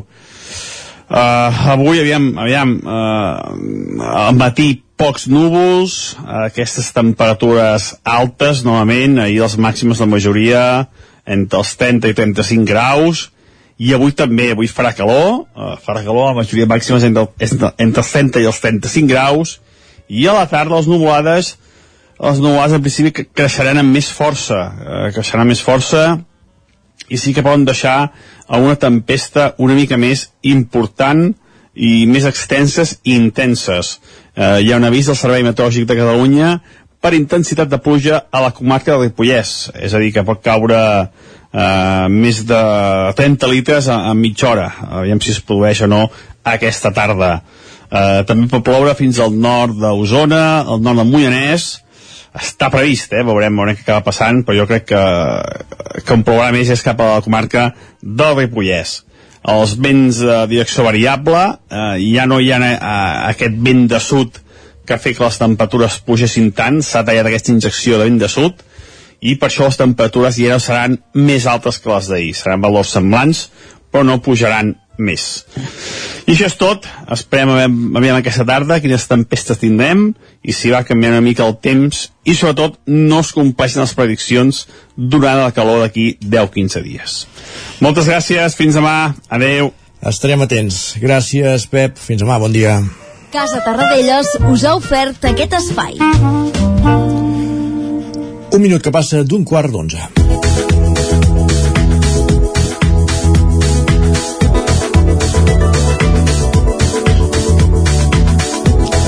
Divendres s'estrenava a Manlleu, Refugiats, l'obra, el text de Sergi Pompermeyer, que adapten aquest estiu el grup usonenc Còrcia Teatre i que es podrà veure durant els divendres i dissabtes del mes de juliol en un espai de Manlleu. Ara concretarem això d'un espai de Manlleu.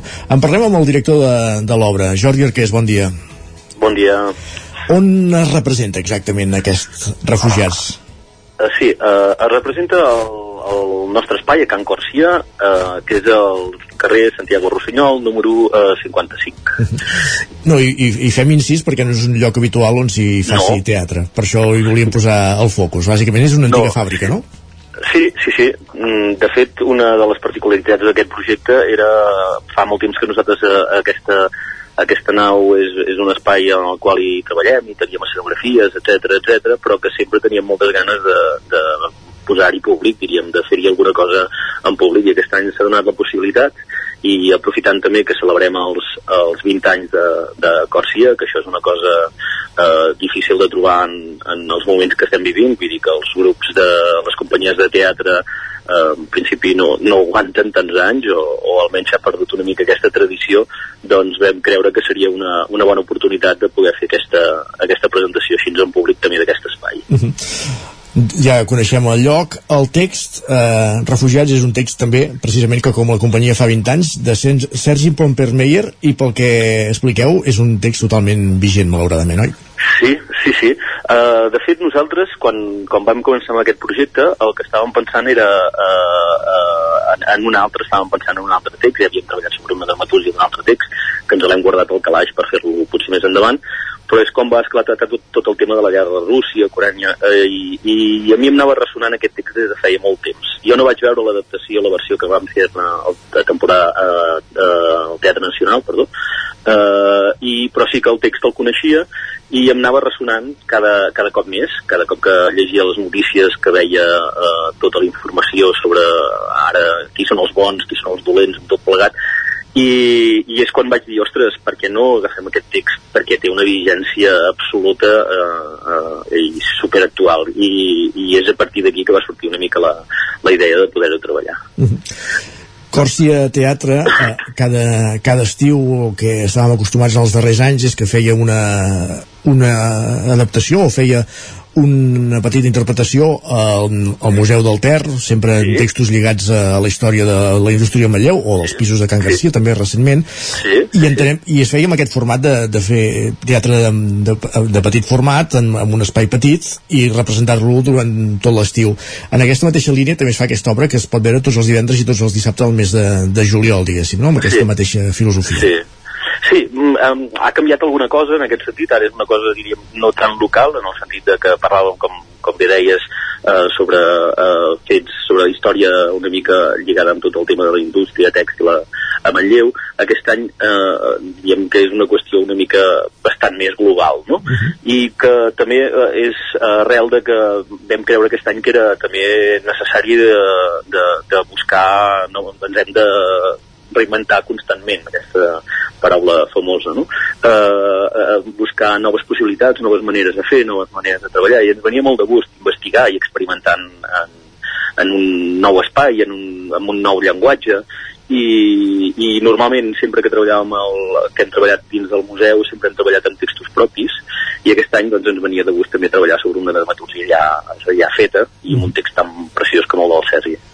I l'aforament, eh, quan està limitat, diguéssim, cada cop? Uh, 55 persones. 55 sí, persones. 55 persones. Per cert, que es, es va estrenar divendres i ja s'ha fet aquest primer cap de setmana, com ara les dues Sí. primeres sessions. Molt bé, molt bé, estem molt contents, vull dir que ja ha començat a funcionar el, el Boc Orella i uh, vull dir que les dues gairebé hem omplert les dues uh, funcions i de moment, pel que sembla, doncs uh, anem, anem, anem molt bé també en previsió de, de totes les altres que, que anirem fent. Clar, és, eh, nosaltres en aquest espai és molt més gran, llavors sí que hi, ha, eh, hi havia una opció de posar-hi molta gent, però també per una qüestió de eh, filosofia i una qüestió de, de què volíem fer a nivell d'estructura d'espectacle, volíem que fos una experiència per l'espectador també i per tant el fet de posar-hi molta gent ens obligava a posar-ho més a l'italiana diríem i teníem ganes de que no fos així sinó que fos en petits grupets eh, que hi hagués espai entre ells que, que tot plegat que fos una experiència més immersiva per tot el, per tot el públic i per això hem decidit doncs, posar-hi només a, aquestes 55 persones. Uh -huh. Dalt l'escenari sou Pep Simón, Àngela Coma, Abel Reyes, Joan Roura i tu mateix, Jordi Arqués, diguéssim, és l'aposta la, la, d'aquest estiu per, per, per Sí. fer a- aquest text. La, la dualitat de direcció-actor, com, com la portes? Home, ha estat eh, molt interessant, és la primera vegada que m'he atrevit a fer això. Val a dir que el, que el meu personatge és un personatge relativament petit i poc, eh, vull dir que sí, poc important no, perquè tots són molt importants, no? però eh, sí que és eh, un, un personatge relativament petit i llavors m'ho he pogut compaginar una mica eh, una mica bé, sent la primera vegada eh, és una, és una bogeria, és bastant una bogeria perquè de cop ets a dins, de cop ets a fora, però és superinteressant, superinteressant i la veritat és que estem molt contents jo, jo m'ho he passat molt bé. Uh, m'ho he passat molt bé també perquè l'equip és un és un, una colla d'amics uh, que a part de ser professionals del, del camp uh, són bueno, grans persones i ha fet un, un procés de, de treball uh, molt, molt, molt, molt interessant. A part dels que ja has esmentat, que és el repartiment sobre del, de l'escenari eh, també val a dir que aquí ja han fet una feina eh, al·lucinant a nivell d'espai eh, escènic i d'escenografia amb Pau Sánchez, que el disseny d'il·luminació l'ha fet el gran Xema Turon també, que, que ha estat un, un luxe poder comptar amb ell, que també hi ha en, en Cai Budaiol donant suport a, a totes les, a totes les parts, a l'Anna Presseguer que porta tot el tema de la producció. Vull dir que la veritat és que és un equip de luxe al qual és molt fàcil treballar. Uh -huh.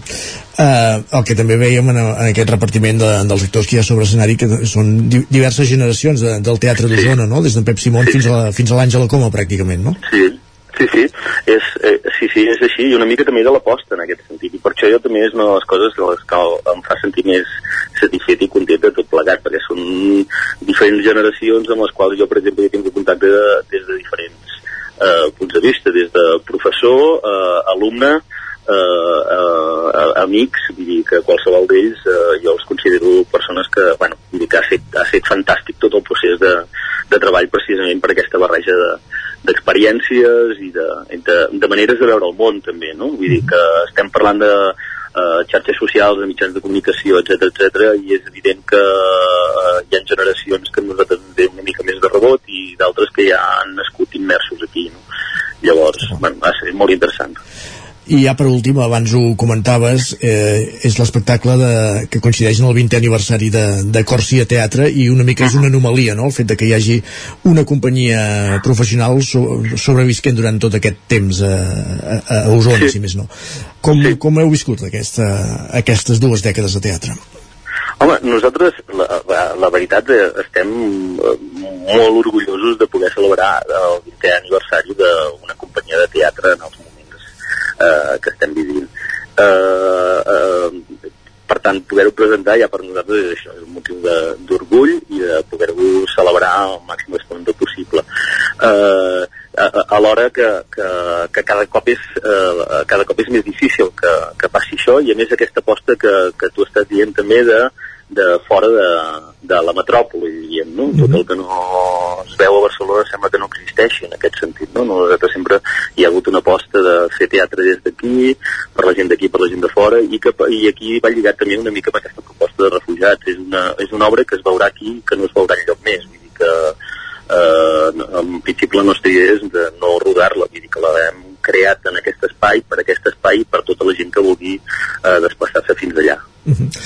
uh, aquest espai que si no tenim mal entès és el carrer Rossinyol de Malleu l'espai sí. Còrcia on com bé dèiem els divendres i els dissabtes del mes de juliol s'hi representa aquest refugiat sota la direcció de, de Jordi Arqués amb qui hem conversat avui a l'entrevista al Territori 17 Jordi, moltes gràcies i molta sort en les funcions que queden en aquest mes de juliol Moltes gràcies, moltes gràcies Bon dia Bon dia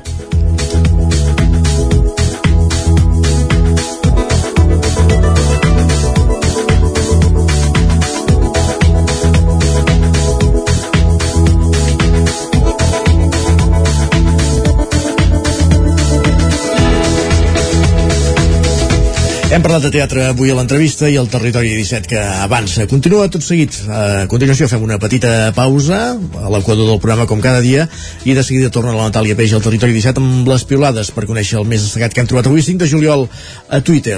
Passarem per la taula de redacció. Avui una taula de redacció especial. Farem una connexió a l'exterior. Miquel R està fe seguint el seguici de la festa major de Vic que surt aquest matí de la casa consistorial per acabar a la plaça de la catedral on es faran els balls després de, de la missa de Sant Miquel dels Sants a la catedral de Vic, on els faran els balls amb el bestiari, amb els caps de llúpia, amb els gegants de la ciutat, i de tot això, de per, per on passa el seguici, com està evolucionant, en parlem, com dèiem, a la taula de redacció amb en Miquel R, també en companyia més tard de, de Guillem Freix amb altres qüestions d'actualitat, i acabarem aquesta segona hora del Territori 17 parlant del temps.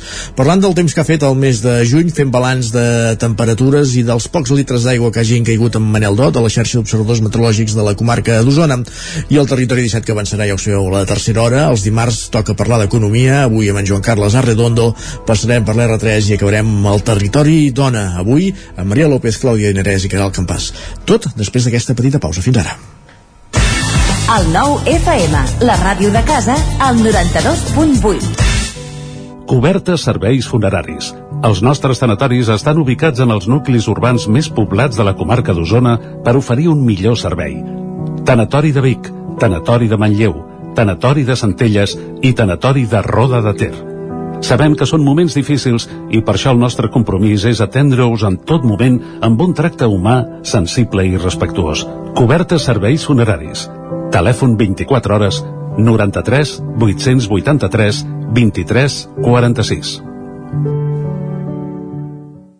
A Bailen sabem que quan té una avaria a la seva caldera vol una solució ràpida. Truqui al servei tècnic oficial Bailen i els nostres tècnics vindran ràpidament a solucionar-li el problema. A més, si canvieu ara la caldera, us regalem fins a 300 euros. Truqueu al 910 77 88 77 o entreu a bailan.es. Si aquest estiu vas a Platja d'Aro, aquí tens unes recomanacions.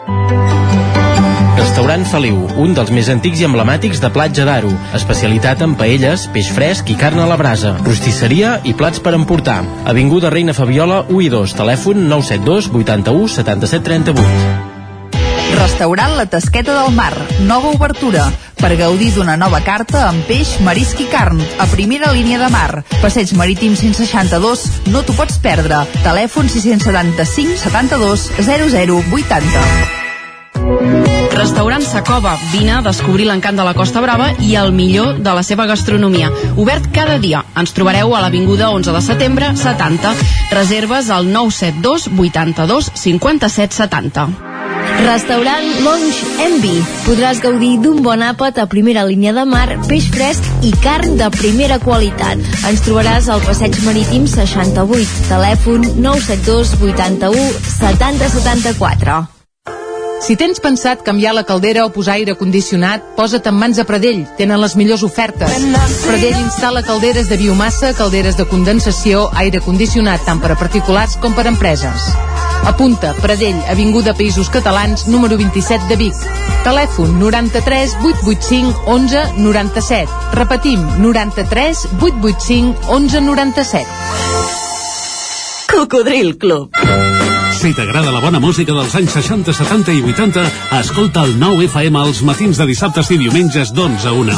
És el temps del Cocodril Club, tot un clàssic de la ràdio, amb les bases del pop-rock, les llegendes, les cançons que s'han convertit en autèntics himnes. Recorda, dissabtes i diumenges al matí, d'11 a 1, al 9 FM 92.8. Cocodril Club, el programa revival de l'Albert Malla. Hasta luego, cocodrilo. El 9 FM. En punt, dos quarts d'onze, al territori 17.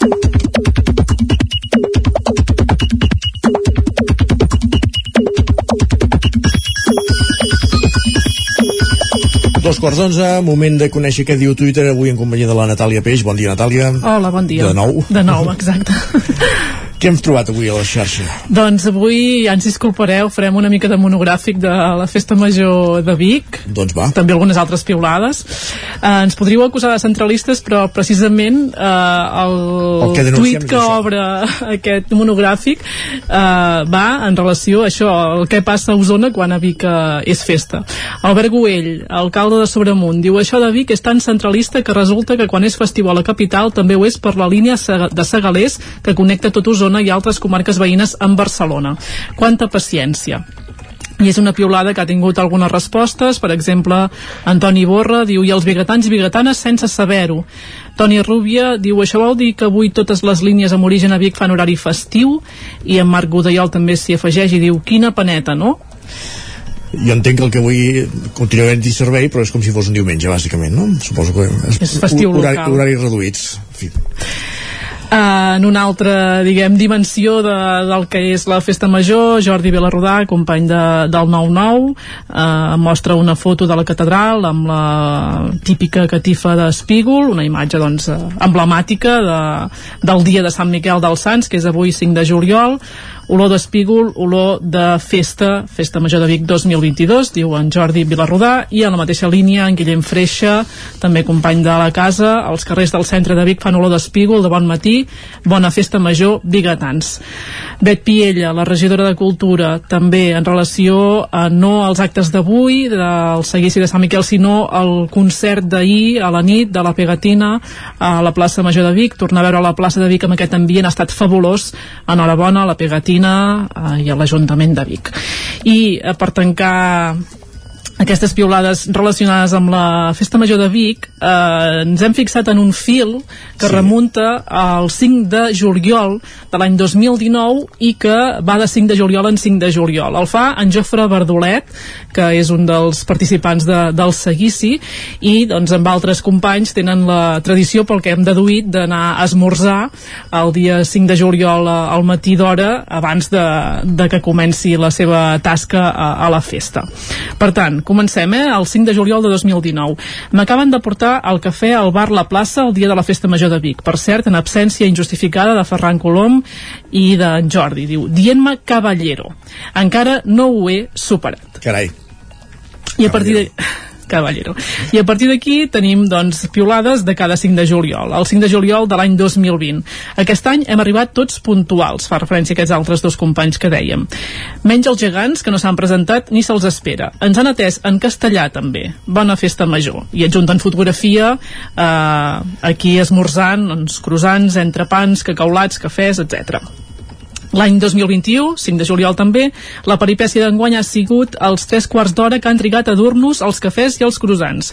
Que la situació, perdó, vista la situació, l'espavilat d'en Ferran Colom ha esmorzat a la barra. Almenys avui ens han atès en català i eh, el 5 de juliol de 2022, per tant avui, aquest matí, increïble, aquest any en català i sense espera. Això ja no és el que era. Home, les coses evolucionen per això, doncs no, a bé en aquest cas. Exacte. Molt bé. I tenim eh, tres piolades més. Doncs L'Agustí Danés amb la pandèmia ens va semblar que com a societat fèiem un reset, però ara que tot reiniciem el sistema, frustra comprovar que l'escriptori, si no es fa res, continuarà havent-hi les carpetes de sempre. Violència de gènere, desigualtat o canvi climàtic. La màgia no existeix. No, hi ha coses per les quals no i eh, finalment dos tuits que podríem dir que tenen a veure amb la gastronomia o amb productes alimentaris. La Marina Solà Boec, la llet terra i tast ha arribat al com si fos ahir. També els ha costat bastant trobar-la, pel que sembla. El proper dia es podria veure una mica millor, no? fa aquesta, aquesta proposta. I la Maria però, Nicolau... Aquests continguts, jo vaig llegir el tuit, eh, però aquests continguts són patrocinats i són pagats, no entenc? Vull dir que és, no és casual que hagi arribat la llet terra i tasta, en fi, o com si fos ahir. Va. I finalment Maria Nicolau, cuinera que està presentant el llibre Cuina o Barbària, ens diu, ara que hi penso, ni un trist beset de caldo us dono a les presentacions. Doncs mira, potser a partir d'ara hi serà. Exacte, ja que el restaurant sí que el serveix, potser s'haurà de portar el termo a les presentacions. Exacte. Gràcies, Natàlia. Vinga. Fins ara. Fins ara. Fem un recull ràpid dels titulars del 99.cat a l'edició de Zona i el Ripollès. En marxa el nou circuit, us ho explicàvem a les 10. També l'Orfeo Biguetà canta la missa d'en Do de Mozart en el concert del 120è aniversari. Cap cementiri d'Osona i el Ripollès està preparat per fer enterraments musulmans i la crida enganxa també a la portada del 99.cat del Vallès Oriental, 8 escorcolls al Vallès per desmantellar un grup dedicat a la venda de productes en pàgines web fraudulentes, Cinema Fresh torna amb quatre nits al Parc Torres Villà de Granollers. Gairebé un centenar de famílies del Vallès Oriental estan a llista d'espera per un habitatge social i Educació proposa traslladar alumnes afectats per la mala situació de l'escola Can Vila a una altra escola pública. I arribats a aquest punt, després del repàs digital, entrem a la taula de redacció.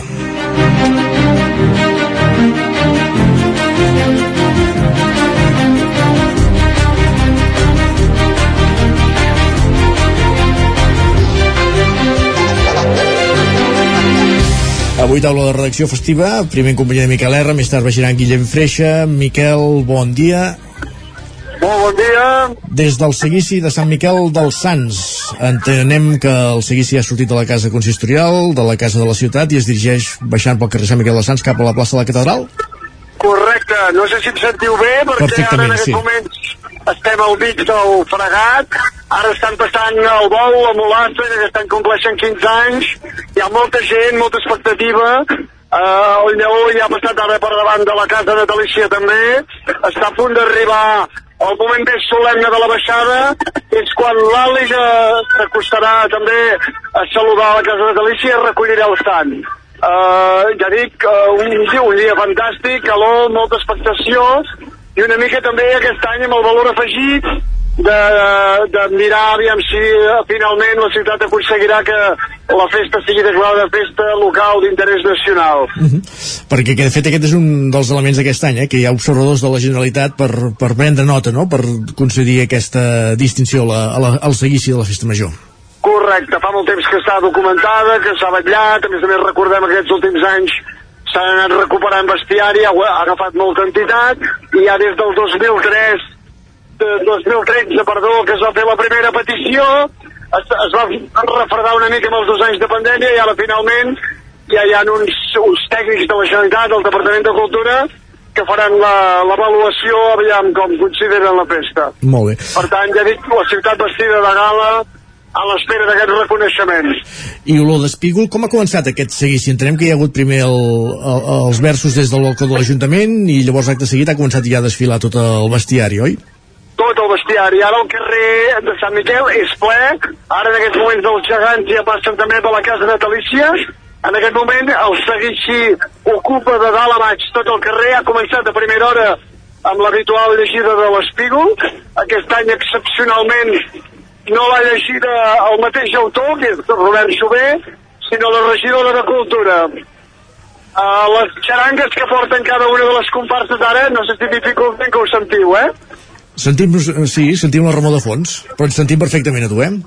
Doncs sí, jo, jo pràcticament no us sento ara, eh? Vale. doncs entenem això, que el seguici està baixant pel carrer Sant Miquel dels Sants, moltes de les figures que es, que es paren a la, a la casa natalícia de Sant Miquel dels Sants i en direcció cap a la plaça de la Catedral, on a quarts d'una, després de la missa de festa major, hi haurà els balls. Correcte, d'aquí, res, dos minuts arribarà a la plaça de la Catedral.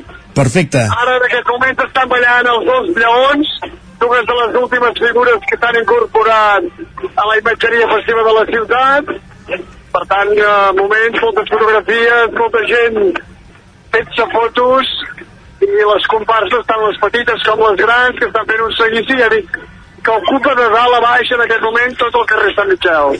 Perfecte, doncs Miquel R, moltíssimes gràcies i moltes felicitats també en el dia de Sant Miquel. Moltes gràcies. Bon dia. Perfecte, bon dia. Parlem més tard.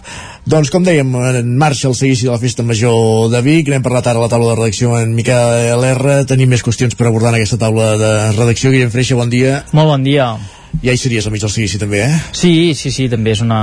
Bueno, com a bicatà també és un, un dia especial. De fet ja sentim aquí, com que de fet la plaça de la Catedral sí. aquí al costat, ja sentim ja les xarangues a través de, del vidre. Exacte. Uh, I a quarts d'una la ballada de gegants, no sé si quan és menut no te la perdies cap any. Sí, sí, sí, anar a perseguir el Merma, la Vella, era, era, era divertit, era divertit i era un dia això, eh, que de ben d'hora anar cap a plaça i, i bueno, viure també tota aquesta jornada amb els, amb els els gegants, una cosa que, que agradava de, de veure. Sí que és veritat, no tinc record que sortissin tant.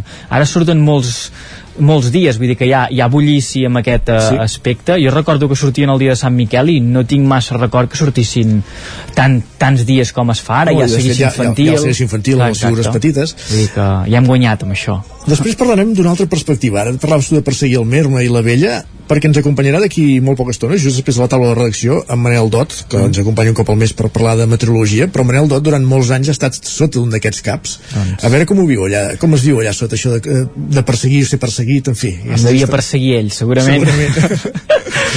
no hem vingut a parlar de, de, de caps de festa major, Guillem, parlem d'altres aspectes d'actualitat que, com per exemple el fet de la recollida selectiva. Sovint parlem d'un ajuntament, l'altre, que, que, quin, quin sistema, per quin sistema aposta després dels contenidors, ara hi, molts pel porta a porta, ara hi ha també els contenidors intel·ligents, però tenint en compte que la setmana passada el Consell Comarcal doncs, ja adjudicava el, el, el nou servei, també fem balanç dels sistemes de, de recollida que hi ha a la comarca, no? Sí, eh, exacte, perquè hem viscut, podríem dir, un, un punt d'inflexió important en els temes de, del servei de recollida de, de deixalles, perquè al llarg dels últims eh, 3 anys el que s'ha anat produint en el Consell Comarcal d'Osona, el Consell Comarcal d'Osona és un ens supramunicipal que ofereix diversos serveis als municipis de la comarca, doncs eh, un, un dels fets que s'ha anat produint aquests últims anys és que s'havia de fer, s'havia de redactar un nou contracte de deixalles perquè l'empresa mixta actual, la que ofereix aquest servei, doncs eh, s'havia de, de liquidar, recollida de residus d'Osona havia de quedar liquidada perquè aquesta fórmula d'empresa mixta ja no era vàlida. El Consell Comarcal d'Osona què ha fet en aquests últims temps? Doncs ha demanat a tots els municipis eh, a qui dona servei, que en total són 37 municipis de la comarca d'Osona, quin servei volien eh, pel que fa a les deixalles al seu municipi. Després de debats en cada població, en els plens municipals es anava aprovant el que volien, diguem una mica la carta als Reis que volien a, a nivell de, de deixalles, es portava cap al Consell Comarcal d'Osona, finalment el Consell Comarcal d'Osona ja ha recepcionat totes aquestes peticions dels eh, municipis i això ha fet que en el ple que hi va haver la setmana passada doncs s'aprovés el conjunt del contracte, el global del contracte d'aquests 37 municipis per oferir aquest eh, servei de recollida de deixalles. En total eh, ha sortit a licitació per 67 milions d'euros, per tant eh, una xifra molt important, la d'aquest eh, contracte, i eh, hi han diversos aspectes a destacar, diversos aspectes importants. Un d'ells és que en la seva majoria els municipis aposten per eh, sistemes més eficients, en podríem dir, en l'objectiu d'augmentar xifres de recollida selectiva. De fet, cal destacar que sis poblacions han decidit fer el pas cap al porta a porta. Es tracta de, de Gurt, de Montesquieu, de Sant Boi de Lluçanès, de Sant Pere de Torelló, de Sant Quirze de Besora també de la ciutat de Vic i del nucli de Borgonyà, que pertany a Sant Vicenç de Torelló. Sant Vicenç ja s'aplicava el porta a porta, però ara s'hi afegirà el nucli de, de Borgonyà. A aquests sis municipis, qui també s'hi afegirà en breu, de fet el contracte aquest ja està adjudicat, és Manlleu, que han fet tot el tràmit eh, de manera individual perquè van tenir accés a una subvenció molt important de l'Agència de Residus de Catalunya, però també s'afegeixen en aquest paquet de municipis que faran el porta a porta. En quin escenari ens trobem? Doncs ens trobem que amb la incorporació d'aquestes poblacions que ara hem eh, anomenat, més enllà dels 11 pobles de la Mancomunitat La Plana que ja fan aquest tipus de recollida porta a porta, ja seran 28 les poblacions de la comarca d'Osona que apliquen aquest tipus de recollida selectiva un fet que representa el 56% del total de la comarca. De la comarca, per tant ja estem eh, per sobre de la meitat dels municipis que fan aquest sistema. I encara més important, dir que si s'afegeixen Vic i Manlleu en el porta a porta, ja hi ha eh, poblacions com Tona, com Taradell, per tant estarem parlant d'un gran volum de població mhm, d'Osona que eh, es basarà en un sistema que en principi ha de ser més eficient. A la Mancomunitat La Plana, si més no, ho ha sigut en aquests 20 anys que fa ja que apliquen aquest eh, sistema. En el... Eficient, i econòmic, perquè vol dir que major reciclatge, menys sí. quantitat de residu a l'abocador i per tant Exacte. menys quantitat d'abonada cànon a l'abocador. Exacte, a llarg termini l'objectiu és aquest, que vagin entrant cada cop eh, més impropis a, a l'abocador d'Uris, que es pugui reaprofitar eh, més tot plegat amb aquestes eh, eh fraccions en què es divideix la, la recollida selectiva i que no es vagi omplint a l'abocador on hi va les coses que no es poden aprofitar. Deixa'm dir també que el contracte que es va aprovar del Consell Comarcal hi ha en aquests municipis que han optat pel porta a porta, però n'hi ha d'altres que també han fet aquest pas cap a un sistema més eficient, però amb sistemes alternatius podríem dir o que encara no s'han aplicat massa a la comarca d'Osona, com és eh, Torelló i les Masies de Voltregà, que han apostat per als contenidors intel·ligents, eh, se'n diu eh, col·loquialment. I Centelles, aquests... no, també? Sí, uh, Centelles ho ha fet també com Manlleu, de manera individual, a, a la seva, diguem, per la seva banda, sí, sí. han aplicat aquest, aquest sistema. Són aquests contenidors que estan tancats, que només s'obren uh, uns dies determinats, amb la utilització d'una targeta que tenen els veïns, amb l'objectiu d'això, que només es llencin allà en aquell lloc els uh, residus que pertoquen. L'objectiu de tot plegat, quin és? Doncs tornar a situar Osona com a líder en la recollida selectiva a Catalunya, ho va ser durant molts anys, però en, aquestes, en aquests últims cursos, temporades, li ha pres aquesta etiqueta al Berguedà, precisament pel fet que els principals nuclis de població d'aquesta comarca, eh, Berga, Gironella, per exemple, han apostat pel porta a porta, hi ha hagut un salt endavant en percentatge de recollida selectiva i ara eh, s'han situat en la primera posició amb un 69,9% de recollida selectiva. A Osona ara ens trobem en el 66,9%. Per tant, amb aquest pas es preveu que en els propers 3-4 anys es pugui recuperar aquest uh, lideratge de ser uh, els capdavanters en recollida selectiva a nivell de, de Catalunya. El porta a porta que costa d'implantar, perquè moltes vegades és això, que molta, la gent eh, aquests canvis no, no els acaben d'assimilar, de, d'entendre, però que un cop eh, un cop implantats sí costa molt poc fer, molt poc fer-ho bé, diguéssim. És, és baixar la brossa el dia, el que, dia toca. que toca a la porta de casa. Sí que has de tenir la consciència de baixar el que toca uh mhm. -huh. i diguem a casa potser sí que tens unes miques més de, de cubells, però que pots acabar adaptant. Sí que hi ha el debat, no? això és opinió personal, de què passarà amb ciutats més grans on hi ha més blocs de pisos, que no hi ha tantes cases uh, unifamiliars, com per exemple pot ser el cas de, de Tona o, o, de, o de Taradell, uh, com es gestionarà. Però aquí entrem ja amb la, amb la voluntat i la consciència de la, de la població. Correcte. Gràcies, Guillem. Adéu, bon, bon dia. dia. Bona festa major. Continuem al territori 17, deixem endarrere la taula de redacció i ara, com dèiem, parlem de medi ambient i meteorologia.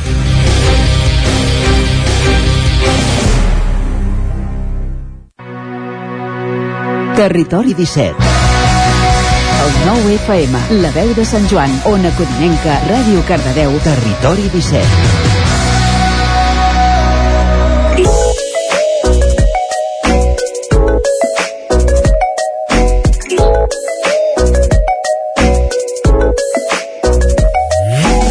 Doncs un dimarts més a l'Espai de Natura i Medi Ambient ens acompanya en Manel Dot de la xarxa d'observadors meteorològics d'Osona per fer un repàs al que ha estat el mes de juny i començar a calcular com, com serà l'estiu, com serà el mes de juliol. Manel, bon dia, benvingut de nou. Hola, bon dia. Avui que és 5 de juliol, festa major de Vic, però t'hem fet fitxar igualment, eh? Uh, sí, és cert que si puc escapar sempre m'escapo. Molt bé, home. A veure, va, uh, el juny ha estat molt comentat climatològicament parlant, també per les elevades temperatures, per una onada de calor, eh, en fi, res que, que sigui nou aquest 2022, que és un any eixut, molt sec i amb temperatures extremes, pràcticament, eh?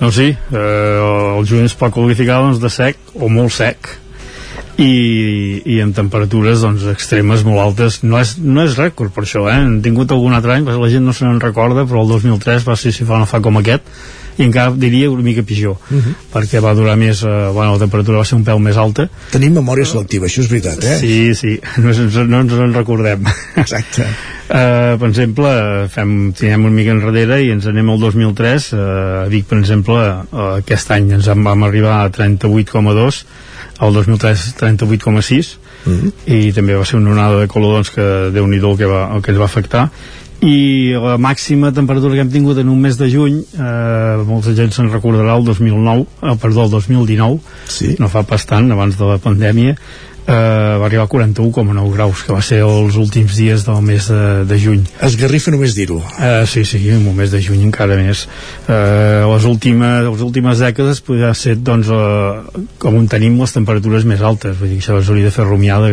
que el canvi climàtic i, i és i, i hauríem de fer alguna cosa mhm. -huh. passa que llavors sempre et surt el, el savi que et diu, oh, el que deies, no? el 2003 sí. ja va passar això, sí, però va ser un moment puntual ara ens estem acostumant, aquest és el problema no? és aquest el problema, sí, perquè ara que és molt més molt més sovint i, i temperatures més altes i ja no només el juny sinó ja el maig de nhi el que va passar.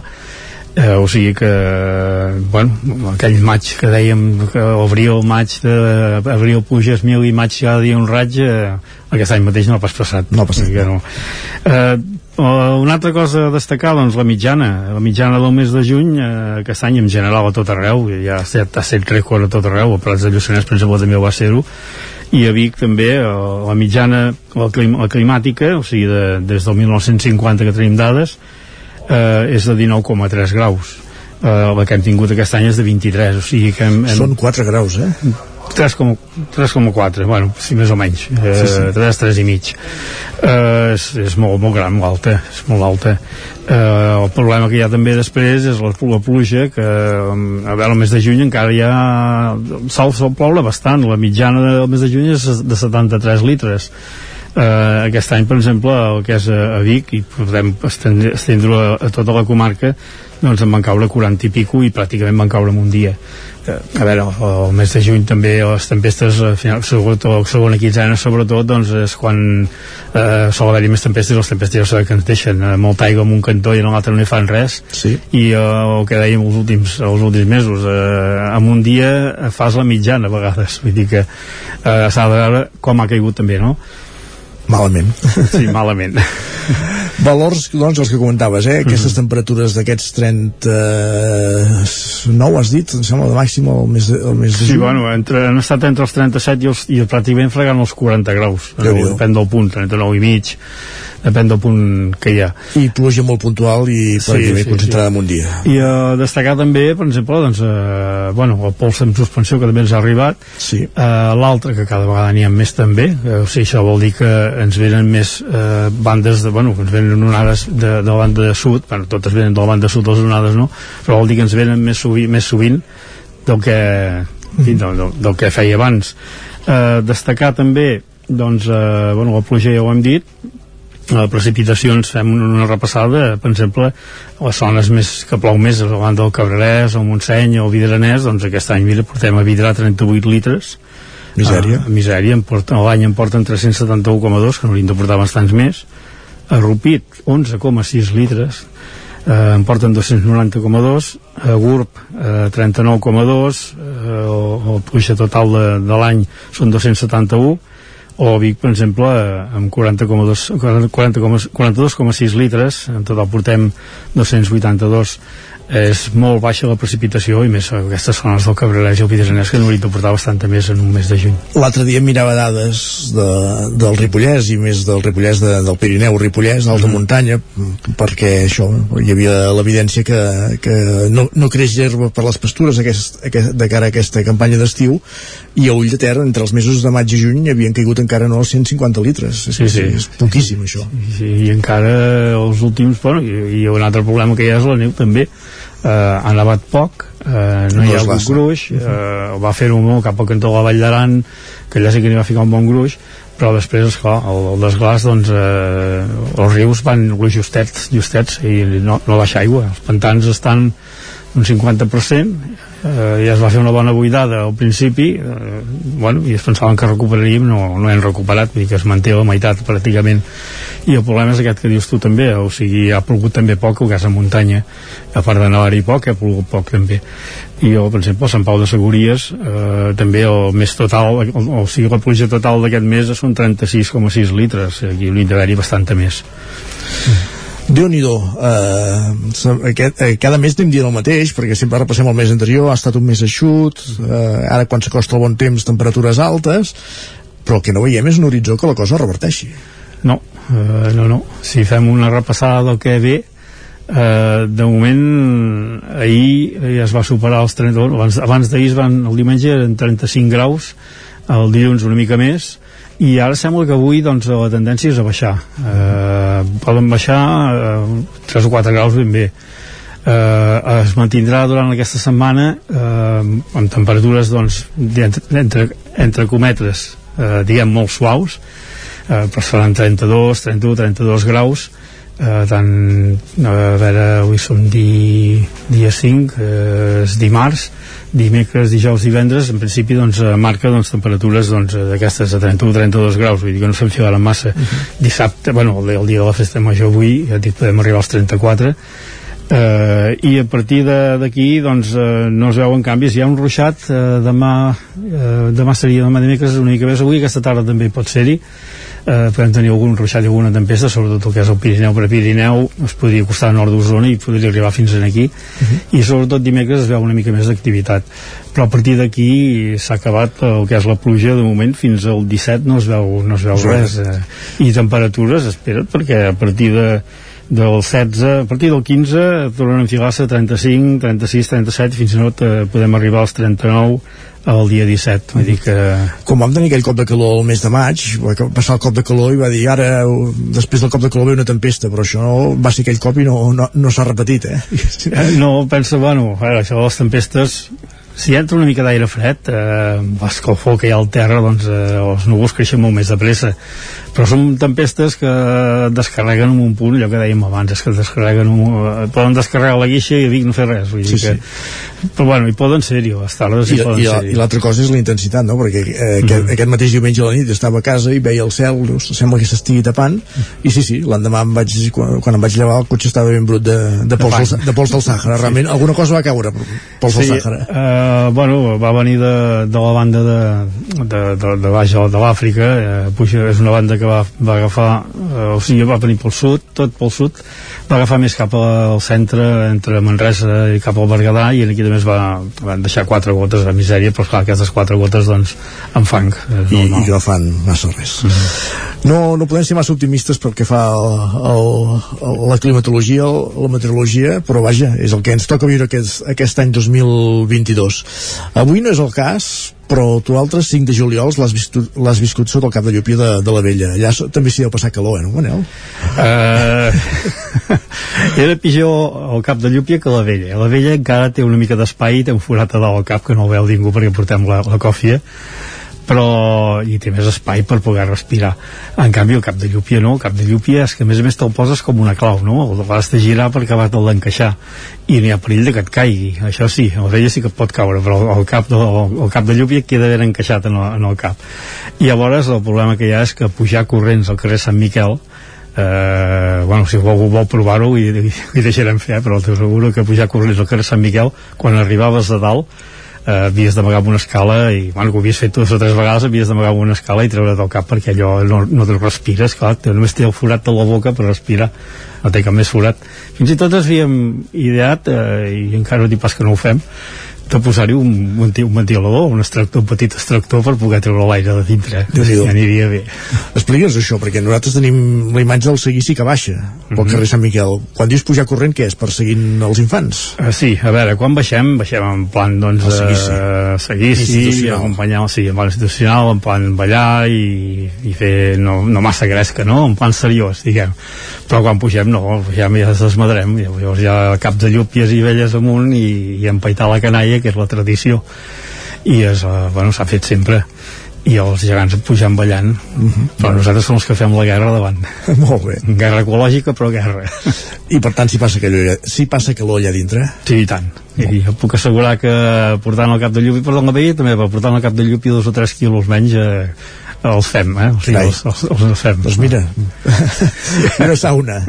És una sauna, t'ho puc assegurar. Manel, eh, moltíssimes gràcies per acompanyar-nos un cop al mes per fer aquest repàs meteorològic de, del mes que, que deixem enrere i ara ja només ens queda dir bon estiu eh, el que hem pogut veure de l'estiu és el que ens deies abans eh? fins al 17 de juliol la cosa no, no fa intenció de, de canviar alguna tronada de calor ens vindrà i, i mantindrem aquesta tendència de temperatures altes i, i poca aigua eh? de moment sí i encara, no, no, no, no ho he dit abans però el mes de maig aquests últims dies hem estat bastant fresquets els de matins. Sí. perquè, eh, perdó, el mes de maig. El, eh, el mes de juny i començaments de juliol. Però a mig juliol que quan hi va haver una d'aquella doncs eh, eh, fin, 20, de 20 graus en amunt i si està núvol és el pitjor perquè llavors es manté la temperatura i és quan hi ha més humitat i és quan no pots dormir. En fi, de moment eh, és el temps que toca ara eh, el que ens depara no el juny però ara sí que ja, ja ens toca menys aquests dies de, de passar una mica de calor. Panel Dot, moltíssimes gràcies i com dèiem, bon estiu. Bon estiu, bona festa major. I bona festa major. Territori 17 amb Isaac Moreno i Jordi Sunyer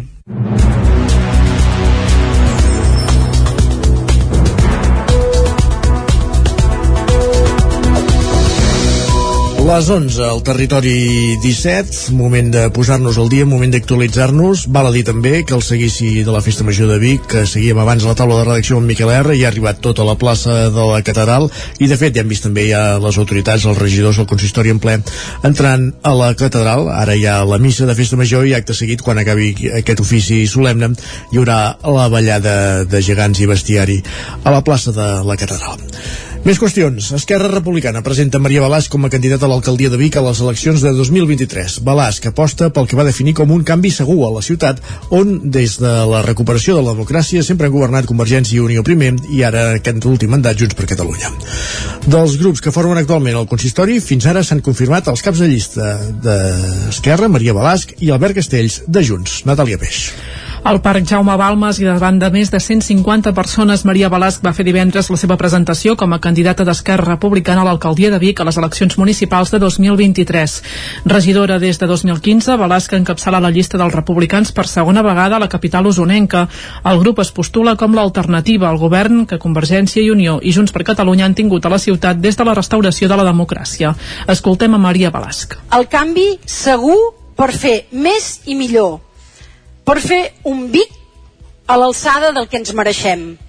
I segur que ens posarem ràpidament d'acord quan ens imaginem una ciutat que inverteixi principalment i sense cap mena de dubte en polítiques socials efectives que tractin la ciutat d'una manera valenta, que no es tapi els ulls, que no s'hi posi d'esquena, entre els projectes concrets que va desgranar Balasc hi ha un mercat municipal que sigui referent, multiplicar l'habitatge social, el dret a disposar d'una nova piscina municipal, més seguretat als barris o la igualtat d'oportunitats entre els infants. En un discurs enregistrat des de Suïssa, Marta Rovira, bigatana i secretària general d'Esquerra, reclamava noves mirades sobre Vic. Oriol Junqueras, el president del partit, també va acompanyar Balasc i va reivindicar la tasca municipalista d'Esquerra. Escoltem per aquest ordre a Marta Rovira i Oriol Junqueras allà on alguns no hi veuen debilitats, perquè no les noten, perquè no les senten, doncs combatre aquestes debilitats realment, perquè hi són. Vic, a Vic s'hi viu bé, però s'hi podria viure molt millor. I per tant fa falta que hi hagi al capdavant de Vic gent que vegi, que noti, que senti, que visqui aquestes debilitats perquè sàpiga com es poden combatre. Vosaltres podeu contribuir a canviar la vostra ciutat a fer-la encara millor, a fer-la més ambiciosa, a ser una ciutat que miri el seu entorn, que el vulgui liderar, que es posi al servei de la comarca i dels seus municipis. A la presentació hi van assistir l'exconseller Carles Mundó, el president d'Esquerra Osona Jordi Fàbrega, el president del Consell Comarcal Joan Carles Rodríguez i alcaldes de la formació com Marçal Ortuño de Torelló, Dionís Guiteres de Mollà o Josep Casasses de Gurb. També van ser candidats dels republicans ja confirmats a les municipals de l'any que ve, com Eva Font de Manlleu o Toni Mas de Roda de Ter. Els jutjats de Vic estan pendents de l'autorització del Tribunal Superior de Justícia de Catalunya per recuperar els judicis penals que actualment es fan a Manresa. La consellera de Justícia, Lourdes Ciuró, deia divendres al matí en una entrevista a la xarxa que les noves instal·lacions ja estan a punt i que els judicis penals es faran en un local cedit per l'Ajuntament a la Ronda Camprodon. L'escoltem podem fer utilitzar aquestes sales perquè es practiquin jutjats, eh, judicis penals. Això beneficia directament la ciutadania, no caldrà que es desplacin a Manresa. I aquest és el fet de que eh, doncs amb aquestes obres de millora haurem fet aquesta possibilitat de... ho hem plantejat al Tribunal Superior i escolta, ja ho tenim a punt, esperem que vostès doncs, ho vegin bé a l'hora de fixar una data pel retorn dels judicis penals a Vic, però la consellera no es va mullar. Esperem que la major brevetat, el problema és que sempre estem demanant, si fixa que sempre estem demanant. O sigui, tenim competències, però limitades i coartades. La consellera també va reclamar un front comú de partits al Congrés davant de la llei estatal que busca suprimir la figura dels jutges de pau actuals per funcionaris municipals. El Vallès Oriental, alcaldes de Montbui dona suport a sis famílies del municipi afectades pel tancament temporal dels dos edificis de l'Escola Can Vila de Mollet, una codinenca, que era al campàs. La regidoria d'Educació de Caldes ha escrit una carta als serveis territorials d'ensenyament i a l'Ajuntament de Mollet, mostrant el suport a les famílies afectades pel tancament temporal de dos edificis de l'Escola d'Educació Especial Can Vila al municipi mulletà, afectada amb esquerdes en l'estructura de l'edifici que amenaçava la seguretat dels alumnes i professors. Entre aquestes famílies n'hi ha sis de Caldes de Montbui. El regidor d'Educació Pep Busquets ho va explicar aquest dijous passat durant el ple a instàncies d'una pregunta de la regidora del PSC, Carla Millan. En total, el centre té una setantena d'alumnes que hauran de ser resituats de cara al curs vinent. Per la seva banda, des del Departament d'Educació han dit a l'Ajuntament de Mollet que buscaran una solució perquè el 5 de setembre, data d'inici del proper curs, aquests alumnes puguin continuar l'escolarització. I a Cardedeu, l'esquerra independentista organitza xerrades sobre l'alliberament sexual i de gènere aquest passat cap de setmana, coincidint amb la commemoració celebració el 28 de juny del Dia Internacional de l'Orgull LGTBIQ+.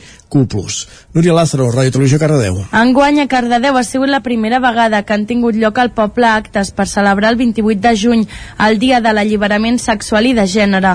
El divendres al pati de Vilapaquita es va celebrar l'OPAC, Festa de l'Orgull, i el dissabte al matí a Arran, la CUP Endavant i el CEPEC van organitzar Sant Corneli unes xerrades a càrrec de Patricia Vallejo, qui va tractar diversos punts respecte a la importància de celebrar diades de l'orgull fora de la mercantilització d'aquest acte, com la Setmana del Pride celebrada a Barcelona. Patricia Vallejo. Més enllà que siguin massius o no, el Pride, la qüestió és qui hi ha darrere, no? I darrere del Pride hi ha tot un seguit d'empreses que busquen el benefici econòmic, no? Empreses empresaris, i el que nosaltres estem fent és la lluita de la nostra classe, no? La, és la lluita de, de, del conjunt de la classe treballadora i en, i en aquest cas d'aquelles persones que, que tenim identitats de gènere o sexualitats normatives que volem eh, ser visibles, que volem reclamar els nostres drets i volem fer nosaltres mateixes, no ho deixarem en mans d'aquells que estan en contra nostra. En l'acte també es va comentar la importància que tenen a nivell de poble els espais i les celebracions de jornades al voltant de l'alliberament sexual i de gènere, perquè donen visibilitat a una realitat que és present al poble. Blai Traverner, CUP Cardedeu. Creiem que és superimportant que Cardedeu, precisament perquè hi som i perquè existim, també hi hagi espais per nosaltres, hi hagi espais on ens puguem sentir lliures, però també hi hagi espais de lluita on puguem desenvolupar la nostra lluita pels nostres drets i pels drets de tota la classe treballadora de forma conjunta. És per això que l'esquerra independentista aquest any hem pres una mica la iniciativa i hem volgut fer aquest acte de forma conjunta, eh, de forma pública i per també desenvolupar una mica com quin és el nostre projecte al voltant de l'alliberament sexual i de gènere. Després de les xerrades, la jornada va estar amenitzada amb un vermut i música a càrrec de PDP Tardes. El director de cinema de Sant Joan de les Abadesses, Ferran Llagostera, pretén fer una última pel·lícula al poble Sant Joan abans de retirar-se. Isaac Muntades, des de la veu de Sant Joan. El guionista, director i productor de cinema Sant Joaní, Ferran Llagostera, té previst acomiadar-se de la seva carrera cinematogràfica amb una pel·lícula que rodarà i transcorrerà a Sant Joan de les Abadeses, que es dirà Catalunya d'un temps a un país, i de la qual ja té el guió escrit, però que ha de veure si pot trobar tot el finançament necessari perquè sigui una realitat i que per ell seria el seu comiat perfecte. Encara que tanqui la porta als llargmetratges, Llagostera no descarta continuar continuar fent algun documental més. Podem sentir-lo explicant de què va la pel·lícula, la qual considera que també és una mica autobiogràfica. És la història d'uns amics que es retroben, en Joan un dia és sortit, l'altre no, és una mica autobiogràfica. I bueno, és un record d'anades i vingudes, de flashbacks de l'adolescència d'aquests tres amics de Sant Joan, que es troben ara, un està malalt de càncer, això és el motiu que es trobin, i a partir d'aquí doncs recorden tota una època la vida d'un poble, que en aquest cas seria el de Sant Joan de les Abadeses, barrejat amb el naixement la nova cançó, Set jutges, amb les primeres manifestacions antifranquistes, amb el descobriment de, de les noies, de l'amistat, els focs a camp, les anades al Taga, en fi, la vida d'una època. El poble és el protagonista i la seva geografia i la seva climatologia, el romànic, tot això marca.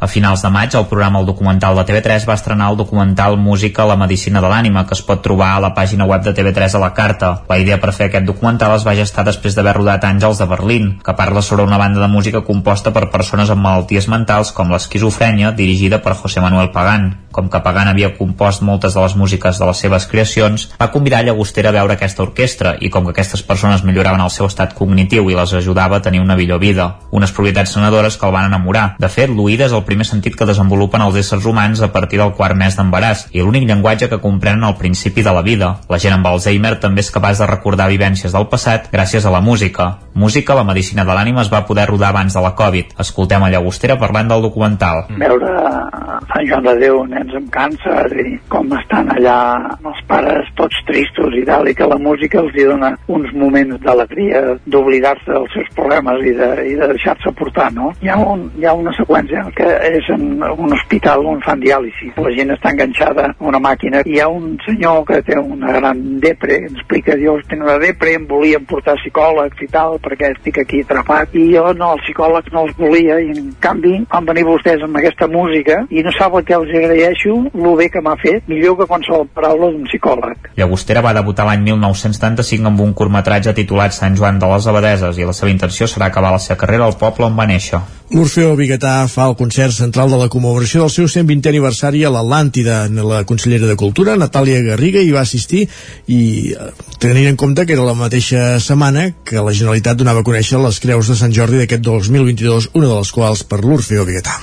Cantant la sardana de les monges enmig del públic que va omplir de gom a gom la sala Ramon Muntanyà de l'Atlàntida.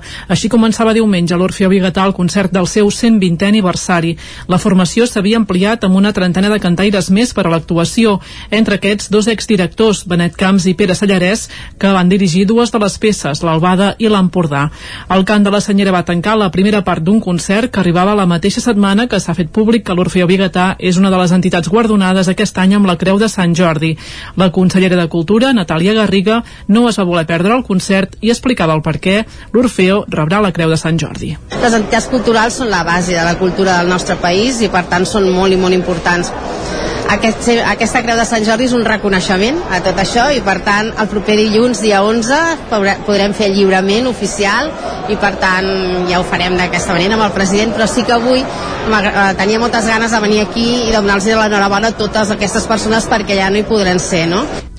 Des de l'Orfeo Bigatà apunten que la Creu de Sant Jordi és un reconeixement a tota la trajectòria de l'entitat. Sara Duc n'és l'actual presidenta. Jo crec que és un reconeixement a moltes persones, a tots els cantaires, a tota la gent que ha fet teatre a l'Orfeo durant molts anys i tantes i tantes coses que durant molt temps l'Orfeo ha estat crucial a la ciutat.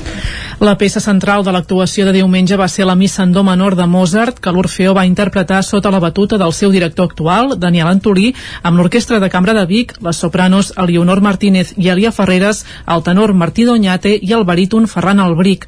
Entre els reptes més immediats de l'Orfeo Bigatà hi ha la recuperació del cor infantil, l'Espurna, inactiu des que va esclatar la pandèmia de Covid-19. Esports. Després de 5 anys d'intervencions, finalment s'ha inaugurat la remodelació de la pista i el nou traçat del circuit d'Osona. El projecte, que ha tingut un cost d'1,2 milions d'euros, 1.200.000 euros, ha de permetre acollir competicions de velocitat de primer nivell. El circuit d'Osona ha reobert portes després de 4 mesos tancat al públic per finalitzar la segona fase d'obres. El circuit s'ha adaptat a les curses de velocitat. Ara compta amb una longitud de 1.263 metres, més de 300 metres nous de pista, i té una recta principal de 132 metres. També compta amb una variant variant del traçat que permet augmentar la seva longitud a 1.467 metres per les curses de resistència. Unes obres que han de permetre obtenir una homologació internacional que pugui acollir proves de primer nivell i més exigència esportiva. Així ho espera Joan Penedès, president de l'escuderia Osona. És la demanda que tenien els pilots, no? Que no, no, no es tracta d'anar per sinó que volen pujades, baixades, frenades, volen, volen tenir que hi tinguin tot el contingut. I això és el que hem, el que hem intentat fer, el principal i el que més eh, ens satisfà és que puguem continuar fent esport eh? això és el primer de tot ara el següent pas que hem de fer és acabar-lo perquè s'hi puguin disputar eh, curses amb normalitat i amb, i amb tots els elements que necessita una organització les obres s'han finançat a quatre bandes. El projecte ha tingut un cost d'1.234.000 euros. L'Ajuntament de Vic ja ha portat uns 400.000 euros. La Generalitat 330.000, la Diputació 150.000 i la resta ha, ha estat finançada per l'Escuderia Osona amb fons propis. Titi Roca és el regidor d'Esports de l'Ajuntament de Vic. Hi ha molta gent a darrere que ha, que ha treballat en el projecte i que ha intentat que fos possible. Per tant, avui fiquem una primera pedra molt, molt, molt important segurament, com diuen, queda algun altre pas per fer, però estic convençut que era molt necessari tenir això que avui tenim al nostre darrere per poder tenir aquesta projecció que des del primer dia es té. El projecte en el seu conjunt encara no està acabat. En una tercera fase es contempla la construcció de nous equipaments, un parc d'assistència, la renovació dels boxes i el paddock, la torre de control i un magatzem. Encara no hi ha fixada cap data per l'inici d'aquesta última fase. Josep Marc és el secretari territorial de l'esport a Barcelona de la Generalitat. Sé que eh, heu patit molt, eh, vull dir, ho, hem, ho hem vist, heu patit molt l'escuderia i també el consistori per estar darrere d'aquest projecte, per tant, també molt contents que al final final eh, estigui aquesta carpeta gairebé eh, mig tancada. Les proves de caràcter internacional o del Campionat d'Espanya amb unes necessitats més complexes s'aniran incorporant al calendari del circuit de manera progressiva i a mesura que les obres se situïn a la definitiva fase 3.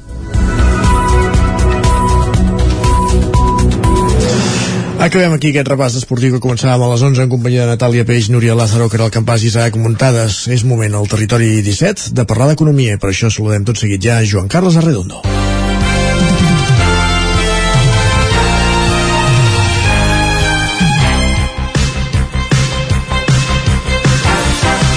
Mig minut que passa d'un quart de 12. Joan Carles Arredondo, bon dia.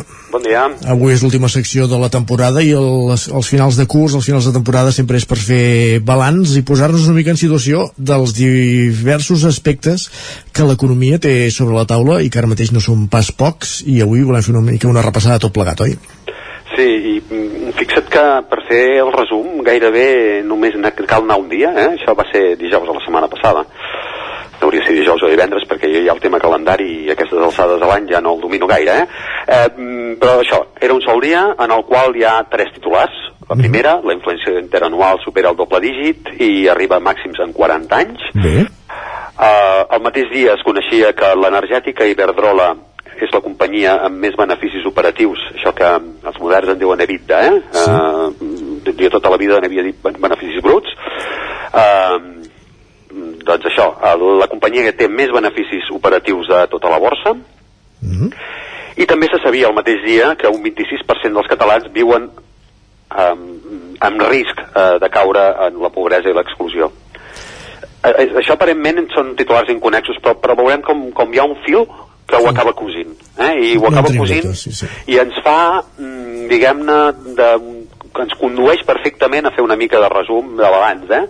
d'aquest d'aquest curs que ha passat entre vacances, diguem-ne, eh? des, del, des del, que tornem de vacances fins ara que, que estem a punt d'anar-hi, no?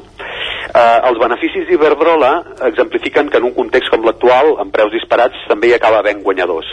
Normalment els guanyadors són els menys, eh? eh això acostuma a passar. Les companyies elèctriques i Iberdrola eh, al capdavant, perquè gairebé va ser la que en va repartir la meitat de, del que direm, va repartir dividends per valor de 3.500 milions d'euros a compte dels resultats de l'any passat. A Iberdrola ja et dic que va, ser, va repartir la meitat d'aquests 3.500.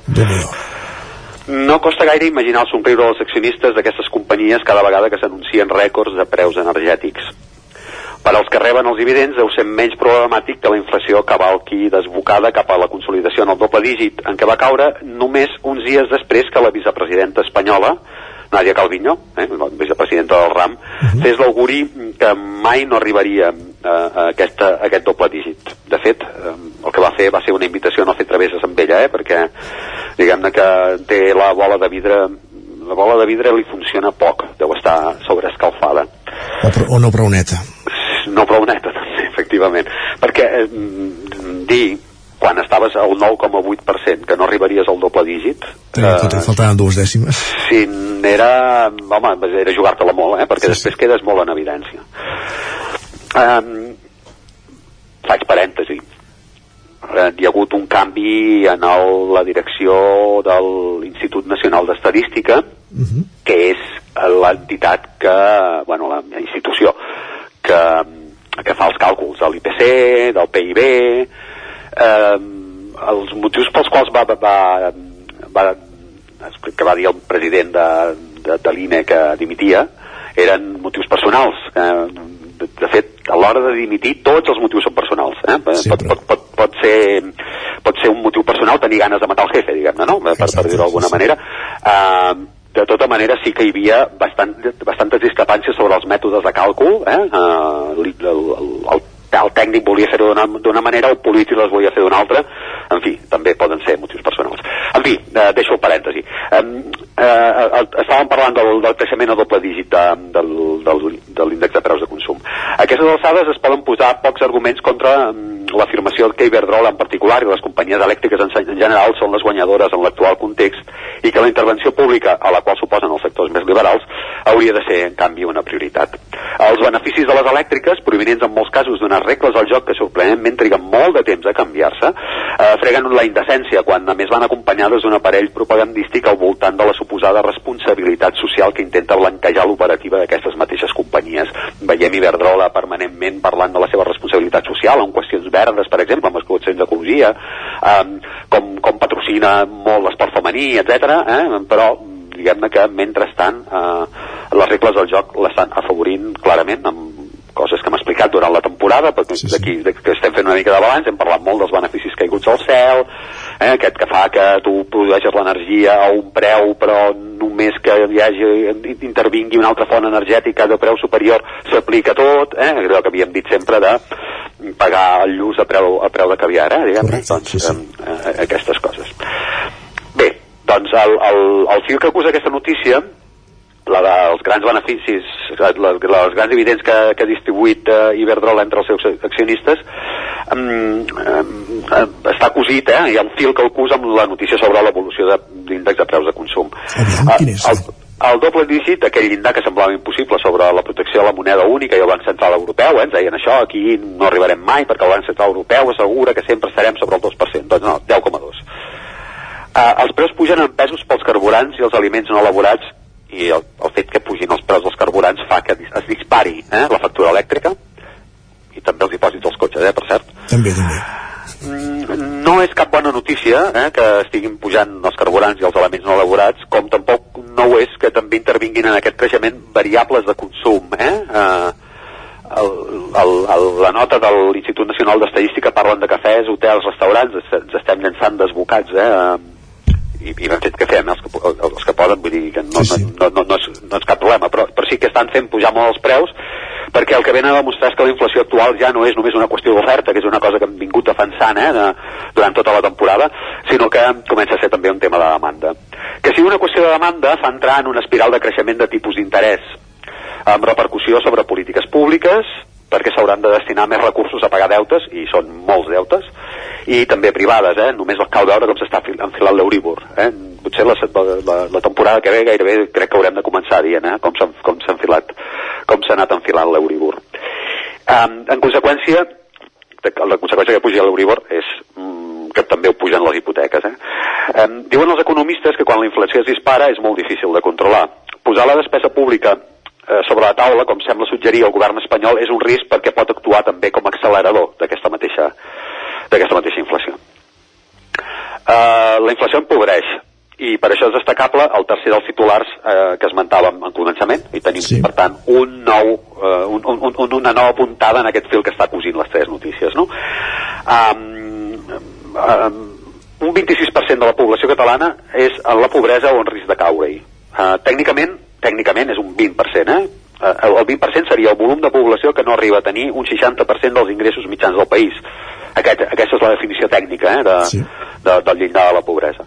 Però la xifra s'eleva més si s'hi afegeixen altres aspectes que preveu la metodologia de càlcul europea. Eh, per, no sé, calculen, per exemple, si els habitants es poden permetre unes vacances, disposar d'un ordinador personal, menjar carn o peix cada dos dies, o, o o si tenen capacitat d'assumir una despesa imprevista total, un llistat de, de, 14, de 14 qüestions diguem-ne sobre les quals si el, la, la persona, diguem-ne, no en pot complir set, es considera que, que, que estan al llindar de la pobresa. I, i sota aquesta metodologia, diguem-ne, eh, s'arribaria a aquest 26% hi hauria la tentació de posar en relació aquest 26% de la població en risc de pobresa i els dividends que es reparteixen les companyies energètiques uh mhm. -huh. amb els preus que acaben a un, a un client que de fet aquests preus li poden agreujar les dificultats que té però com que pot ser un risc de caure en demagògies i ser acusat d'això, de, de demagog l'anàlisi també es pot posar en relació amb els altres dos titulars amb un dels altres, amb l'altre dels dos titulars eh? Amb la inflació del 10,2%, la possibilitat que amples, àmplies capes de la població caiguin en greus dificultats s'incrementa. Eh, el govern hauria de poder actuar per corregir aquest risc, però començarà a tenir les mans lligades si els tipus d'interès li fan distreure recursos cap al deute. I ja sabem que constitucionalment, eh, per una reforma que va haver-hi en temps de la crisi financera, aquest, aquest és la primera responsabilitat que ha d'assumir l'Estat pagar pagar els deutes. Uh mhm. -huh. Una de les qüestions de fons que ara acaba, de l'any del curs que ara acaba, ha estat el pacte de rendes, eh? eh sí. N'hem parlat moltes vegades, en la qual els treballadors renuncien a increments salarials que corregeixin aquest encariment del cost de la vida, a canvi que les empreses renunciïn a una part dels beneficis i també, eh, per tant, s'estrenyin el cinturó també. Eh, no sembla que el repartiment de dividends de les elèctriques compleixi exactament amb aquesta part del pacte. I en canvi, les públic, les veus públiques que assenyalen la necessitat de la moderació salarial, estem permanentment sentint això, són menys insistents amb la necessitat d'aquesta moderació de guanys. Eh, el pacte de rendes jo crec que, com, com deia aquell, ni hi és ni se l'espera. Perquè, tot, perquè no tot siguin males notícies... Ep, alerta, això és bo, ja va. Les xifres de l'evolució de l'atur registrat marquen un nou descens mensual en 10.000 inscrits a Catalunya i cre un creixement de l'afiliació a la Seguretat Social que continua creixent eh, amb més de 36.000 cotitzants més que fa el mes passat mm, tot això ve assenyalar que des del punt de vista laboral encara no ha descarregat aquesta tempesta que augura els núvols negres que setgen eh, en el moment econòmic, en, en rebrots pandèmics, conflictes bèl·lics, encariments energètics. Avui estic molt, molt poeta perquè veig que tot rima. A, a veure si aquests núvols negres acaben passant i com a mínim sobre el mercat laboral eh, podem continuar tenint bones notícies. És cert que hi ha hagut un alentiment eh, aquest mes de Sí, juny respecte a l'any passat, però és que l'any passat tot just s'estaven obrint, diguem-ne, eh, les, les restriccions, de manera que ara establir comparatives és una mica complicat i és bo que hi hagi signes negatius davant del, de l'atur, eh, de descens, o, i positius eh, davant de les, de les cotitzacions. De moment, en aquest sentit, podem acabar amb una mica d'optimisme, que això amb les vacances per davant sempre és bo. Altra cosa és, i això és un altre debat que ja, del qual ja aprofundirem en tot cas la temporada vinent, però tenint en compte que les bones, les, la bona evolució de, de l'atur, sorprèn que el, els sectors que cada cop va sentint el rum-rum que no troben mà d'obra. En fi, veurem com... Sí, no, n'hem parlat alguna vegada, eh? Això sí. moltes vegades se substancia amb el pay more que va dir el, el president és Biden, eh? pagar-los sí, sí. més. Eh, també és una qüestió de quines condicions laborals eh, estàs disposat a oferir. Eh? Correcte. Joan Carles Arredondo, bon estiu. I amb aquesta Igualment. última notícia optimista ens quedem. Quedem-nos amb aquesta. Va. Gràcies. Gràcies. Acabem aquí aquesta secció que cada setmana dediquem a l'economia amb en Joan Carles Arredondo, el cap d'economia del 9-9 del Vallès Oriental. Tot seguit feu una pausa al Territori 17 i la treca final. R3 i Territori Dona. Fins ara mateix. El nou FM, la ràdio de casa, al 92.8. Rafael Grandio, som experts en xapa i pintura i restauració de clàssics. Deixa el teu cotxe en mans de professionals. Més de 30 anys d'experiència en l'automoció. Planxa, pintura, substitució de vidres, canvi de pneumàtics, poliment d'òptiques, abrillantat, càrregues d'aire condicionat, servei de vehicle de cortesia, mecànica ràpida. Som membres de la xarxa Certified First i certificats per Centro Zaragoza. Rafael Grandio, ens trobaràs a la carretera de Sant Hipòlit 18 al polígon Mas Baló de Vic, al telèfon 608 80 53 90 o a rafaelgrandio.com. Ah, i també som a Instagram. Rafael Grandio, planxa i pintura, us desitja una bona festa major. Per moure't, lloga un cotxe ALR. Per moure la família, lloga un minibús ALR. Per moure coses, lloga una furgoneta ALR. Per moure la casa, lloga un camió ALR. Lloguer de cotxes, furgonetes i camions ALR. Ens trobaràs al carrer Francesc Sant Climent 83 de Vic i també a Olot i Manresa. Informa't en el 93 888 60 57 o bé consulta el web alr.cat. Tot l'equip d'ALR us desitgem una molt bona festa major. Que ja he triat El microclima de Camprodon es fa gran. Neix el Macroclima, un nou festival d'estiu a Camprodon. Els dies 22, 23 i 24 de juliol no et perdis els concerts dels Pets, Ramon Miravet, El Pot Petit i Pau Alabajos amb un espectacle únic acompanyat de 50 músics. A més, vine a gaudir de l'àrea Village amb gastronomia local i concerts gratuïts. Aquest juliol, Camprodon estrena Macroclima. Si tens pensat canviar la caldera o posar aire condicionat, posa't en mans de Pradell. Tenen les millors ofertes. Pradell instal·la calderes de biomassa, calderes de condensació, aire condicionat tant per a particulars com per a empreses. Apunta, Pradell, Avinguda Països Catalans, número 27 de Vic. Telèfon 93 885 11 97. Repetim, 93 885 11 97. Passema, comercial de maquinària i utillatges amb més de 50 anys al vostre servei. Visiteu la nostra botiga i trobareu productes de gran qualitat. Passema, som al polígon Sot dels Pradals, al carrer Cervera 10 de Vic. Telèfon 93 885 32 51. Us desitgem una bona festa major de Vic. Sisè Premi Narrativa Curta a la Gralla al 9-9. Cada divendres, a les pàgines centrals del nou magazín, el lliurament d'un dels 10 relats finalistes. Escolta també la seva versió sonora en podcast al 99.cat i cada dissabte a dos quarts de dues del migdia al 9 FM. Sisè Premi Narrativa Curta a la Gralla al 9-9. Amb el suport de la institució Puigporret. El 9 FM, el 9 FM, el 9 FM, el 9 FM, el 9 FM. Territori 17 A Tren d'Alba.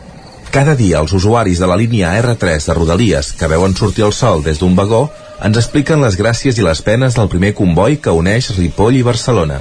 Benvinguts a Tren d'Alba. Avui seré breu. La usuària de Twitter Eva Mallafré ahir feia una piulada en què es queixava que el tren de la línia R2 de Rodalies, amb destinació Granollers Centre a les 7 de la tarda, no tenia llum i deia que no és gaire agradable viatjar per Sants, Passeig de Gràcia i Clot totalment a les fosques. A més, deia que no era la primera vegada que passava. I sort que això és a l'estiu, perquè si fos a l'hivern, quan surts de la part dels túnels, també viatjaries a les fosques amb la perillositat que això comporta per si hi ha carteristes o gent perillosa al tren. Esperem que això no torni a passar i es pugui solucionar solucionar. Ja sabem que el peu de la llum és més car ara, però crec que Renfe no es pot passar de garrepa. Va, ens retrobem demà amb més històries del tren i de la R3. Territori 17, el 9 FM, la veu de Sant Joan, Ona Codinenca, Ràdio Cardedeu, Territori 17. I el Territori 17 és l'hora del Territori Dona. Maria López, Ràdio Televisió Cardedeu, bon dia. Bon dia, Isaac. Doncs sí, efectivament comença un nou Territori Dona, l'últim l'última d'aquestes tertúlies que fem les companyes de Territori 17 amb la intenció eh, de posar sobre la taula els debats diaris al voltant d'aquesta lluita, lluita feminista. I que no podia ser d'una altra manera, per la tertúlia d'avui contem amb les companyes de Territori 17. Des del Nou Ràdio, avui contem a parlar tertúlia amb la Clàudia Dinarès. Bon dia, Clàudia. Bon dia, què tal? Molt bé, com estem? Doncs uh, seguim i des d'Ona Codinenca avui ens acompanya la Caral Campàs, amb qui ens va quedar pendent ara fa una setmana comentar totes les novetats de l'anomenada llei trans que va veure la llum eh, justament dilluns passat. Bon dia, Caral. Bon dia, doncs eh, exacte, com bé comentes, dilluns passat el govern espanyol va donar llum verda a aquesta llei, llei trans que no ha tingut una tramitació gens fàcil eh, i bé, ara el Congrés dels Diputats també l'haurà d'aprovar i parlarem de per què no, no ha tingut aquesta tramitació fàcil i quin, quines són les claus d'aquesta llei.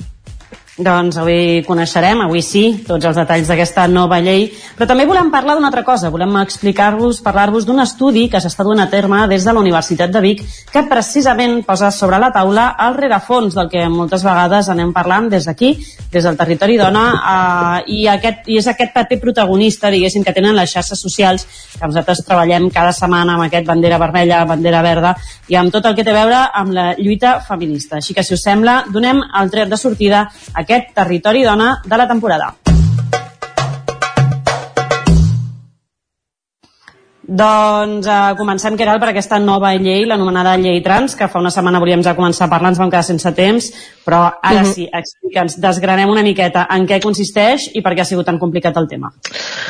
Doncs entre els punts clau que, que inclou aquest, aquest text, que com bé deia doncs, ha de ser també aprovat pel Congrés de, dels Diputats, hi ha uh, poder fer un canvi de sexe sense haver de presentar un informe mèdic Uh, com passava abans, eh, que fins, fins ara la gent uh, que volia fer un, doncs, un canvi de sexe havia de presentar un informe mèdic per determinar que es tractava d'una patologia. Després, eh, precisament, és aquest reconeixement d'aquesta aquest, uh, autodeterminació de, de gènere, sense, doncs, sense aquest informe, eh, ara explicaré per què, eh, però ha sigut un dels punts doncs, eh, dels debats més encesos eh, en el si de, del govern de, de coalició, eh, que al final doncs, ha presentat eh, aquesta llei. De fet, eh, com us deia, eh, l'autodeterminació de gènere és una de les qüestions que continua dividint el moviment feminista i a través de les xarxes i tot arreu doncs, s'han doncs, pogut veure diferents uh, postures. Us explico una mica. Um, el PSOE i Unides Podem no tenen la mateixa postura sobre l'autodeterminació la, de, de gènere. De fet, la ministra d'Igualtat, Irene Montero, um, bé, ha aconseguit imposar les seves tesis sobre aquesta qüestió i posar per escrit un canvi de, es pot uh, fer sense un informe mèdic preceptiu ni tampoc un tractament hormonal. Ara bé, des del PSOE, l'exvicepresidenta espanyola Carmen Calvo uh, abanderava una posició discrepant al qüestionar que, que el gènere es pugui determinar per la simple voluntat o desig, uh, deien, d'una persona i uh, havia alertat que amb el canvi que proposava el Ministeri d'Igualtat es posava en risc la lluita per la igualtat de les dones. Uh, en aquest sentit, els socialistes consideren que el sexe és un fet biològic, mentre que Univers Podem uh, ho veu com a un element cultural. Podríem dir que uh, el PSOE es basa en els fonaments del feminisme radical o, o clàssic i, i bé, durant més d'un llarg any que ha durat el debat, que han defensat doncs, aquesta postura, um, que es basa en que si qualsevol persona pot ser dona, s'esborra jurídicament la categoria de dona. Segons doncs, aquests postulats socialistes, eh, la base jurídica on descansen les, les lleis d'igualtat ara quedarà malmesa per, fer, per aquest fet, eh, per aquest simple fet que una persona, eh, només pel fet de dir, mira, eh, vull canviar de, de sexe, eh, pugui fer-ho. Uh, llavors, quan el Congrés uh, dels diputats aprovi la llei, s'establirà un sistema de, de quatre mesos que, que funcionarà amb un sistema de, do, de doble compareixença, dit d'una altra manera que la, la, la persona que vulgui doncs, canviar de, de sexe haurà de compareixer davant del registre civil i quatre mesos després tornar-ho a fer per, per reafirmar la seva decisió. Vale? És un, això és un sistema de doble compareixença i fins ara doncs, es necessitava aquest informe mèdic. Uh, no sé si us esteu perdent o m'he explicat, de moment. De moment bé, de moment bé, eh? Sí, molt bé, molt bé. D'acord. Doncs us cito ara altres dels punts també no tan polèmics com aquest, que potser és el més, el més que ha generat més rebombori, però altres punts claus de, de la norma. Um, L'edat per decidir uh, un canvi de, de sexe. Uh, quan la llei sigui validada pel Congrés dels Diputats, com hem anat dient, i quan entri en vigor, els joves d'entre 16 i 18 anys podran realitzar el canvi de, de sexe legal uh, igual que qualsevol major d'edat, que qualsevol persona a partir de 18 anys. Per tant, aquest, aquest poder de decisió eh, es posa als 16 anys. I en el cas de menors d'entre 14 i 16 anys eh, s'haurà de fer amb l'autorització dels pares o en cas de disputa amb la decisió d'un jutge. Un altre dels punts eh, són les teràpies de conversió. El nou marc legal també prohibeix aquestes teràpies de, de conversió i de fet seran sancionades amb multes que poden elevar-se fins als 50.000 euros. Eh, I us dic tres, tres punts més. Eh, la llei eh, reconeix el dret a no discriminació de les persones als centres de treball i demana treballar per la inclusió de les persones trans, però especialment de les dones trans, reconeixent que la bretxa salarial que pateixen és encara més gran i el fet de no contractar persones trans, de negar-los l'accés a serveis o no llogar-los o vendre'ls un pis també serà considerat una infracció greu, amb multes que poden arribar també fins als 50.000 euros. Després, un altre dels, dels punts a destacar és la intersexualitat. Uh, la llei tam també la contempla. El govern espanyol legislarà per primera vegada els drets de les persones intersexuals, és a dir, uh, que neixen amb genitals femenins i masculins alhora. I bé, aquesta llei trans prohibirà les mutilacions genitals quirúrgiques perdó, dels nadons i s'amplia l'edat fins als menors eh, de 12 anys excepte que hi hagi risc per la salut. I finalment també parla la llei entre moltes altres coses, eh, també podríem parlar llargament, però us parlo de la reproducció assistida eh, i la llei recupera el dret de les persones lesbianes i bisexuals a acollir-se a tractaments de, de reproducció assistida, que de fet el PP va eliminar l'any 2007. A més, eh, la normativa també recull una modificació de l'article 120 del Codi Penal que permetrà l'afiliació dels fills de les dones no gestants sense que s'hagin de casar amb la seva parella. Eh, fins aquí una mica els punts Mm, que he trobat potser més rellevants uh, per poder-los explicar, però sobretot el que us deia, eh, el, el debat clau s'ha generat uh, al voltant d'aquesta autodeterminació de gènere, um, que bé, jo personalment penso que hi ha coses positives i negatives, però vull sentir també la, la vostra opinió.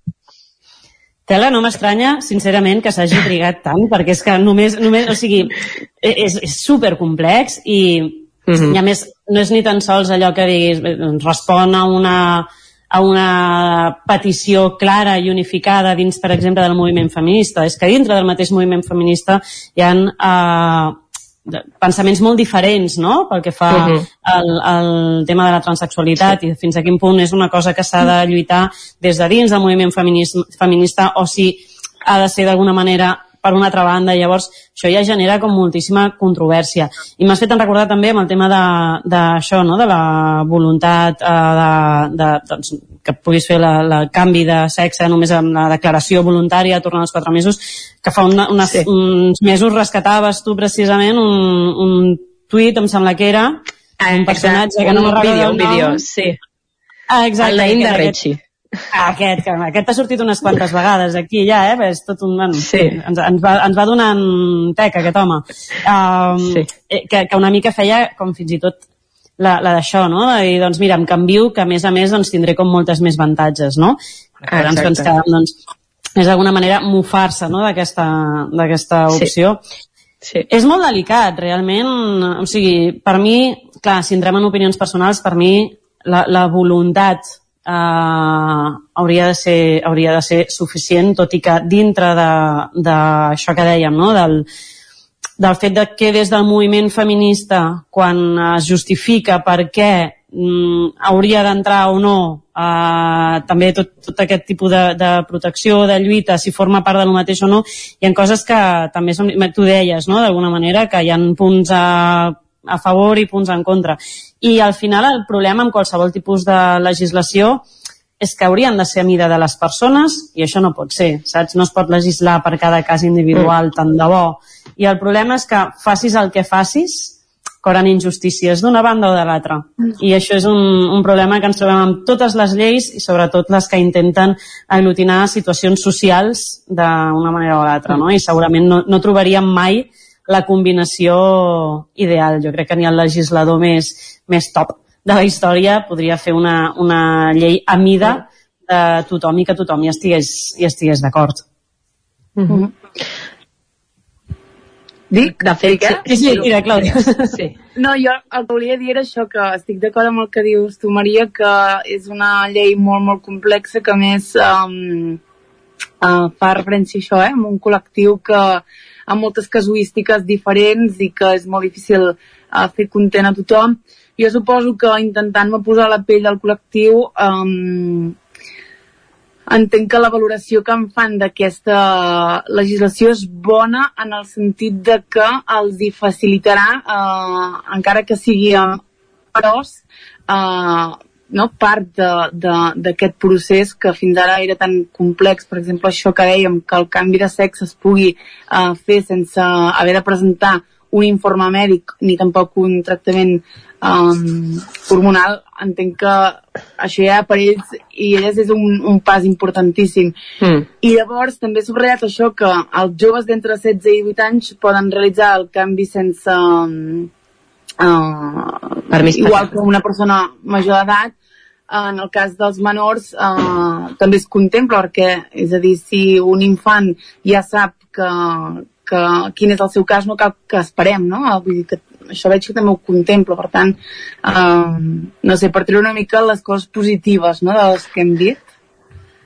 Eh, I si us fixeu que si totes les lleis, també en temes, aquesta mateixa llei, crec que era, no?, la que gestionava temes d'avortament, es va fent aquesta avançada de la majoria, de, de, de l'edat per decidir a partir dels 16. Jo crec que anem una mica abocats Exacte. amb el temps a que la majoria d'edat es marqui a partir dels 16 anys, que és quan ja...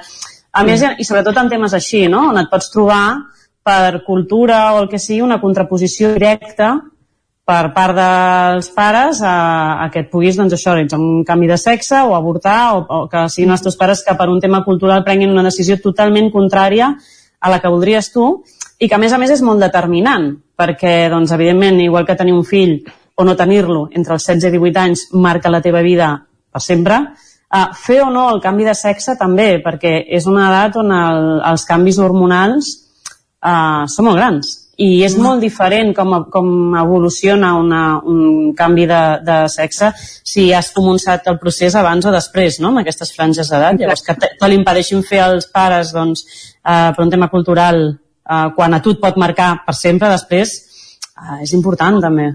Mm. Jo, jo penso també que uh, els processos uh, de, de fer doncs, lleis com aquesta i que suposen un canvi tan gran en la societat són difícils d'acompanyar. I de fet, eh, pel, que, pel que he anat llegint i tal, el que era inicialment la llei que ha sigut ara al llarg d'un any ha evolucionat molt i mm, reforçaria la idea que deixa de tractar les persones trans com a malaltes. Això per mi és la clau. Deixar de tractar el, les uh, persones trans com a malaltes i reconèixer aquest dret d'autodeterminació de gènere. Això és el més positiu. Ara bé, potser sí que s'hauria de millorar o incloure alguna altra cosa um, amb com s'arriba a autodeterminar-se una persona en un gènere. Uh, aquí sí no sé quines uh, coses s'hi haurien d'afegir, però penso que sí que potser el fet aquest d'anar dues vegades al registre civil eh, em, em genera una mica allò, luces i sombres. Eh, però bé, no és, això no és potser la, la, la llei trans més excel·lent, però és la millor possible a dia d'avui i també val a dir que les lleis evolucionen amb el temps. Per tant, jo, jo crec que suposa un pas endavant en un context on també s'està, crec, vivint una regressió també a nivell d'altres països d'Europa eh, i penso que és important. Absolutament, vull dir que és un avenç, és, és clar, sí. i una altra cosa és això, i jo em quedo amb això, no? que després es pugui anar acabant de perfilar amb la clar, realitat exacte. i amb el dia a dia. Suposo que, que la llei d'alguna manera hauria de ser doncs, una cosa molt global i que després doncs, a través de normes clar. reals, decrets, etc es vagi perfilant quin és el funcionament més ideal perquè la cosa doncs, funcioni, però sí que d'entrada i com a base eh, bé, i, i és que no fa tants anys que es va treure eh, ara que deies això, no? que deixa de ser considerat, és que fa relativament poc que es va treure de la llista de la OMS l'homosexualitat com una malaltia. Mm. No, no us diria exactament quants, però sé que no fa masses i, i que em va impactar molt saber que encara estava en aquella llista, i mare més, que encara es consideren malaltes les persones homosexuals, no? Doncs repartim baixes, mm. si és mm. això. Saps? És que al final dius, dius bueno, no, no, se fa dos dies, i també feies un apunt, cara, amb el tema de, de precisament de, que ens trobem que altres llocs del món sí. eh, estan a les antípodes en aquest sentit i d'alguna manera, sí. doncs, mira, podem estar relativament eh, contentes de que en el nostre país no es perdi encara sí. aquesta, aquest fil evolutiu, no? Uh -huh. Sí, de, de fet això dels altres països uh, d'Europa també ho deia perquè he trobat un informe de, de la mà del, del laboratori contra... Ai, perdó, del laboratori, de la mà de l'Observatori contra l'Homofòbia, mm. que parlava d'això precisament, eh, d'alguns països en concret i, i de sectors que estan involucionant. És a dir, que havien fet passos endavant i que n'estan fent enrere. Vull dir que això mm eh, també també s'ha de tenir en compte i, i bé, comparant jo penso que, que podem estar contents de, de que, que hi sigui uh, aquesta llei. I de fet també eh, ho he buscat i, i hi ha precedents, de fet hi ha vuit lleis més a Europa. Um, concretament a Noruega n'hi ha una que és molt similar i bé, les polítiques de gènere i igualtat eh, paral·lelament a aquesta llei segueixen funcionant. Per tant, jo crec que la valoració global, bueno, des d'una opinió personal, és positiva i és això, que potser incloure alguna cosa més en el punt aquest, no?, de, de dir, doncs, val, el registre civil dos cops no, a donar mm. importància també a que es faci un acompanyament psicològic, perquè és que no, no és, jo crec que no ens, no ens podem imaginar, bueno, jo parlo d'un patiment que no conec, no? Eh, el viure en un doncs això, doncs, viure aquesta experiència eh, doncs crec que també s'ha de fer èmfasi en, en aquest acompanyament psicològic que fins i tot també podria estar reflectit a, a la llei. Aquí, per cert, aquí la, la proposta, eh, també. Sí, exacte. Mentre escoltava, Maria Caral he buscat aquesta dada i va ser el maig del 90, del 1990, quan l'Assemblea General de l'Organització Mundial de la Salut va decidir eliminar l'homosexualitat de, de la llista de malalties mentals. Doncs mira, em sonava que feia menys, eh? Tenia, tenia la sensació que no feia tants anys, Any 90, 90 que era petita, però em devia marcar. ho tenia com molt, molt clarat. Uh, ara quan parlaves precisament d'aquestes uh, aquests dos extrems no? que ens estem trobant a, a situació mundial. Uh, em lliga molt amb l'altre tema que us volia explicar avui, que és precisament uh, un tema que m'ha portat a fer una mica de periodisme d'investigació, nivell 1, eh? perquè no no, no ho he tingut massa difícil, però uh, mireu, fa uns dies uh, m'arribava un WhatsApp que posava la següent frase, em deia Twitter i les violències masclistes en línia contra activistes. I deia, els atacs contra activistes feministes s'han multiplicat en els últims temps. La digitalització de l'activisme, causat en part per la pandèmia, ha vist un increment de les violències masclistes digitals a les xarxes socials com Twitter. Quins tipus d'assetjament pateixen les activistes? Quines en són les causes? Es fa tot el possible des de les xarxes socials per evitar que aquests atacs proliferin i davant d'això hi havia un nom i posava, que és Diana Morena, i posava professora de la Facultat d'Empresa i Comunicació de la UBIC. I així comença la meva petita investigació, que era bàsicament què és tot aquest text, que ens diu, perquè més em portava a pensar molt en coses que havíem anat comentant nosaltres i que això que dèiem, no? aquestes banderes vermelles i verdes que ens trobem cada setmana i que sembla que com més empeny un grup cap a una banda, més s'extremen les, les versions eh, contràries. No? Així que m'he posat en contacte amb la, amb la Diana, que era el nom que posava en aquest text, i m'ha explicat que d'alguna manera es tracta d'un estudi que s'està realitzant des de la Universitat de Vic i m'explica una, més, una mica més en què consisteix. Us poso de moment una part de les seves declaracions. Des de l'UBIC, eh, juntament amb la Marvin i Meris Adell i la Gloria García Romeral, amb, també en col·laboració amb l'entitat Calala, vam elaborar un informe diagnòstic on vam comptabilitzar 462.000 agressions cap a 50 activistes en territori espanyol en un any, entre el març de 2020 i març de 2021. Aquestes són unes dades que demostren que la violència digital afecta considerablement a dones que tenen una certa exposició pública. Pensem que és mig milió d'agressions o gairebé mig milió d'agressions tan sols en un any. És un nombre d'agressions diari extremadament elevat que té unes greus conseqüències per la salut i la vida d'aquestes persones. Per altra banda, l'assetjament que pateixen les activistes tendeix a ser col·lectiu, és a dir, no és tan habitual la figura podríem dir d'un llop solitari que t'assetja, tot i que també existeix, sinó el fenomen habitual o la tipologia d'agressió habitual consisteix en que hi ha un element que desperta l'odi o que desperta l'atac col·lectiu, que encara tot i això val a dir que no tenim clar quin és, el que sí que tenim clar és que funciona en cascada, en manada o en jauria, com eh, això és un terme de fet que hem agafat de Jordi Bonet Martí. Però en tot cas, com funciona és, hi ha aquest element que incita l'atac i de sobte tenim a 5, 10, 100, 200 o 1.000 persones que ens estan atacant constantment. Per tant, són atacs coordinats, són atacs que tenen la lògica de corregir aquest missatge que ha dit l'activista o la persona que té aquesta visibilitat pública. És un contramoviment des del nostre punt de vista. En aquest sentit també, com he dit, les causes a dia d'avui no estan clares, el que fa que el fenomen sigui, des del meu punt de vista, bastant més preocupant. Aquest és un tema, intentar esbrinar les causes, que està ara mateix en procés d'investigació.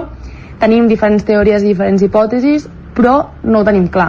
No sabem si és per un augment dels discursos d'extrema dreta, si és per uns neomasclismes, si és per, com dic, uns contramoviments, no estan clares les causes i això, com dic, és preocupant. És preocupant perquè si no sabem per què està succeint, no podem elaborar mecanismes de resposta. Així doncs, és bastant necessari i jo diria fins i tot és imperatiu entendre profundament per què estan agredint aquests agressors.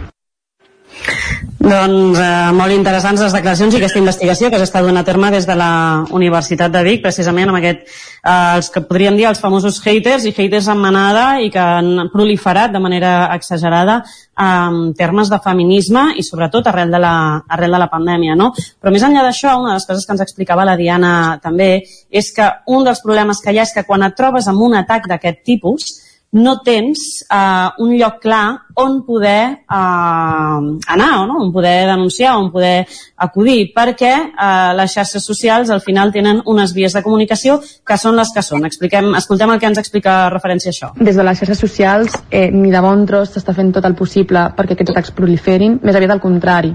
Hem de tenir en compte que tant Twitter, Instagram, TikTok són empreses privades, empreses que cerquen un benefici i en l'era digital el benefici el podem situar en l'economia de l'atenció, és a dir, volen tenir la nostra atenció i volen que passem temps amb la seva aplicació. Per tant, des d'un punt de vista purament econòmic, per a aquestes empreses és rentable que estigui havent atacs digitals en el sentit de que tenim centenars de persones que estan invertint el seu temps en la seva plataforma i no en una altra. Des d'aquesta perspectiva, doncs, s'entén que les empreses no estiguin treballant per evitar aquests atacs. Amb això no vull dir en cap cas que les empreses busquin eh, o incentivin els atacs, no és aquest el meu punt de vista, sinó que és lògic que no els tallin completament. En tot cas, quan sí que estan treballant per corregir-los, quan sí que intenten, en certa manera, protegir a les persones que estan sent agredides, els mecanismes que hi ha de defensa són bastant limitats. Són bastant limitats perquè en moltes ocasions els comptes són privats, són bots, són fins i tot persones que no existeixen. És complicat perseguir aquestes agressions. En els casos més habituals es tanca el compte, però sempre es pot fer un procés en el qual es reclama i en moltes ocasions els comptes tornen a ser propietat d'aquestes persones, per tant els discursos segueixen allà. Així doncs, es pot denunciar, però és complicat de denunciar. Per no mencionar, eh, finalment, que molts cops els mecanismes de denúncia han de, o tenen unes fronteres i uns biaixos de llengua bastant considerables. I és que per molt que, per exemple, tinguem Twitter en català o Twitter en castellà, és habitual que certs mecanismes o els circuits que hi ha de resposta i de denúncia estiguin en anglès.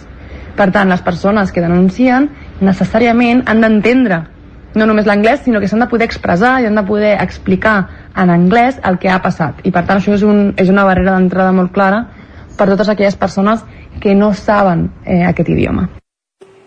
Doncs, tal com deia la, la Diana, problema bàsic de punt de partida és que les mateixes xarxes socials mm, no, no ho faciliten, però tampoc posen masses pegues perquè en el fons ja els interessa no? que hi hagin totes aquelles uh, visualitzacions i seguiments i polèmiques. Llavors, d'alguna manera, bé, no posaran més llenya, però tampoc ajudaran a apagar el foc i d'una altra banda aquests problemes d'idioma, no? que quan per fi algú s'atreveix a dir no, doncs uh, denuncio, eh, et surten totes unes parrafades en anglès que si realment tu poses, tu prens en sèrio i estàs molt afectat i et busques la vida pots, però mm, és com una mica quan has de començar a fer una petició burocràtica molt llarga, no? que et desgastes entre la meitat o fer una reclamació a la companyia del gas. Ànims. Doncs és una mica això, no? Allò de mm, com enganxo això. Ens queda molt poquet temps, però no sé si em podeu fer cinc cèntims sobre com veieu d'alguna manera que es faci un estudi com aquest i el que ens ha explicat la Diana. Caral, tu mateixa. trobo- Uh, Ai, caram, a veure, no, no, el millor... La... No, no, parla tu, parla tu, endavant. Sí, sí, sí. Molt curt, doncs, noies. Jo penso que no és, és la cara més fosca de les xarxes socials. La veiem ara en aquest estudi, la veiem en moltes altres situacions. Uh, penso que està molt bé que es facin estudis com aquest que, que fa la Diana i que ens explicava. Uh, S'han de poder perseguir aquestes agressions, uh, aquests atacs que ens deia coordinats en, en cascada, en manada, en jauria, que m'he quedat amb aquest, um, amb aquest concepte i, i penso que les xarxes també han d'evolucionar cap aquí i no pot ser no, que, que aquests circuits de denúncia eh, suposin una barrera per la persona que pateix aquests atacs, penso que la cosa ha d'anar evolucionant, ja no només en aquest sentit, sinó en tants d'altres de, que formen no, aquesta cara fosca per mi de, de les xarxes socials. Caral, tu que sempre ens portes aquestes... eh, eh, La majoria de vegades ens portes tu les banderes vermelles de les xarxes. Mira, jo només, jo només us posaré un exemple, que no és un atac a una activista feminista, perquè jo no ho sóc, però sí que vaig viure en la meva pròpia persona un cop que vam fer un streaming de, del Reis Mags amb la ràdio, que em vaig trobar l'endemà un missatge a Instagram molt desagradable d'una persona que no coneixia de res, sexualitzant-me. Vaig anar als Mossos d'Esquadra i em van dir que no podien fer res. Lamentable. Vull dir que, en el sentit aquest de quines són, no? Qui- qui- quines són les vies o les, les xarxes que tens, un, és igual, un activista feminista o qui sigui, per defensar-se. Ca- Cap ni una, però és que ni a la xarxa social ni als agents de seguretat ciutadana. En fi. O sigui que dies nules superinteressant aquestes declaracions que ens feia la Diana, aquest estudi que estan tirant endavant des de la Universitat de Vic i que anirem seguint com evoluciona perquè és molt i molt interessant i a més a nosaltres que les xarxes socials sempre ens surten cada setmana al territori dona hem de saber com evoluciona això. Uh, Clàudia Caral, moltíssimes gràcies. Uh, acabem aquest territori dona, l'últim de la temporada i ens retrobarem uh, després de les vacances d'estiu per continuar posant sobre la taula el debat feminista amb majúscules. Que vagi molt Gràcies. bé. Bon estiu. Doncs gràcies Maria, gràcies Clàudia, gràcies Caral i amb el territori dona que acabem el territori 17 d'aquest dimarts 5 de juliol de 2022 hem repassat l'actualitat i hem posat el focus també en part a la festa major de Vic, el seguici de la festa major de Vic avui 5 de juliol, Sant Miquel dels Sants un territori 17 que ha durat 3 hores, que començava a les 9 del matí i des d'aleshores us hem acompanyat Pepa Costa, Natàlia Peix, Miquel R, Guillem Freixa, Manel Dot, Núria Lázaro, Joan Carles Arredondo, Isaac Muntades, Clàudia Dinarès, Caral Campàs, Maria López, Jordi Sunyer i Isaac Moreno. I tornem demà a partir de les 9 del matí aquí al territori 17. Bon dimarts. Gràcies per ser-hi. Territori 17, un magazín del nou FM. La veu de Sant Joan, Ona Codinenca i Ràdio Cardedeu amb el suport de la xarxa. El nou FM.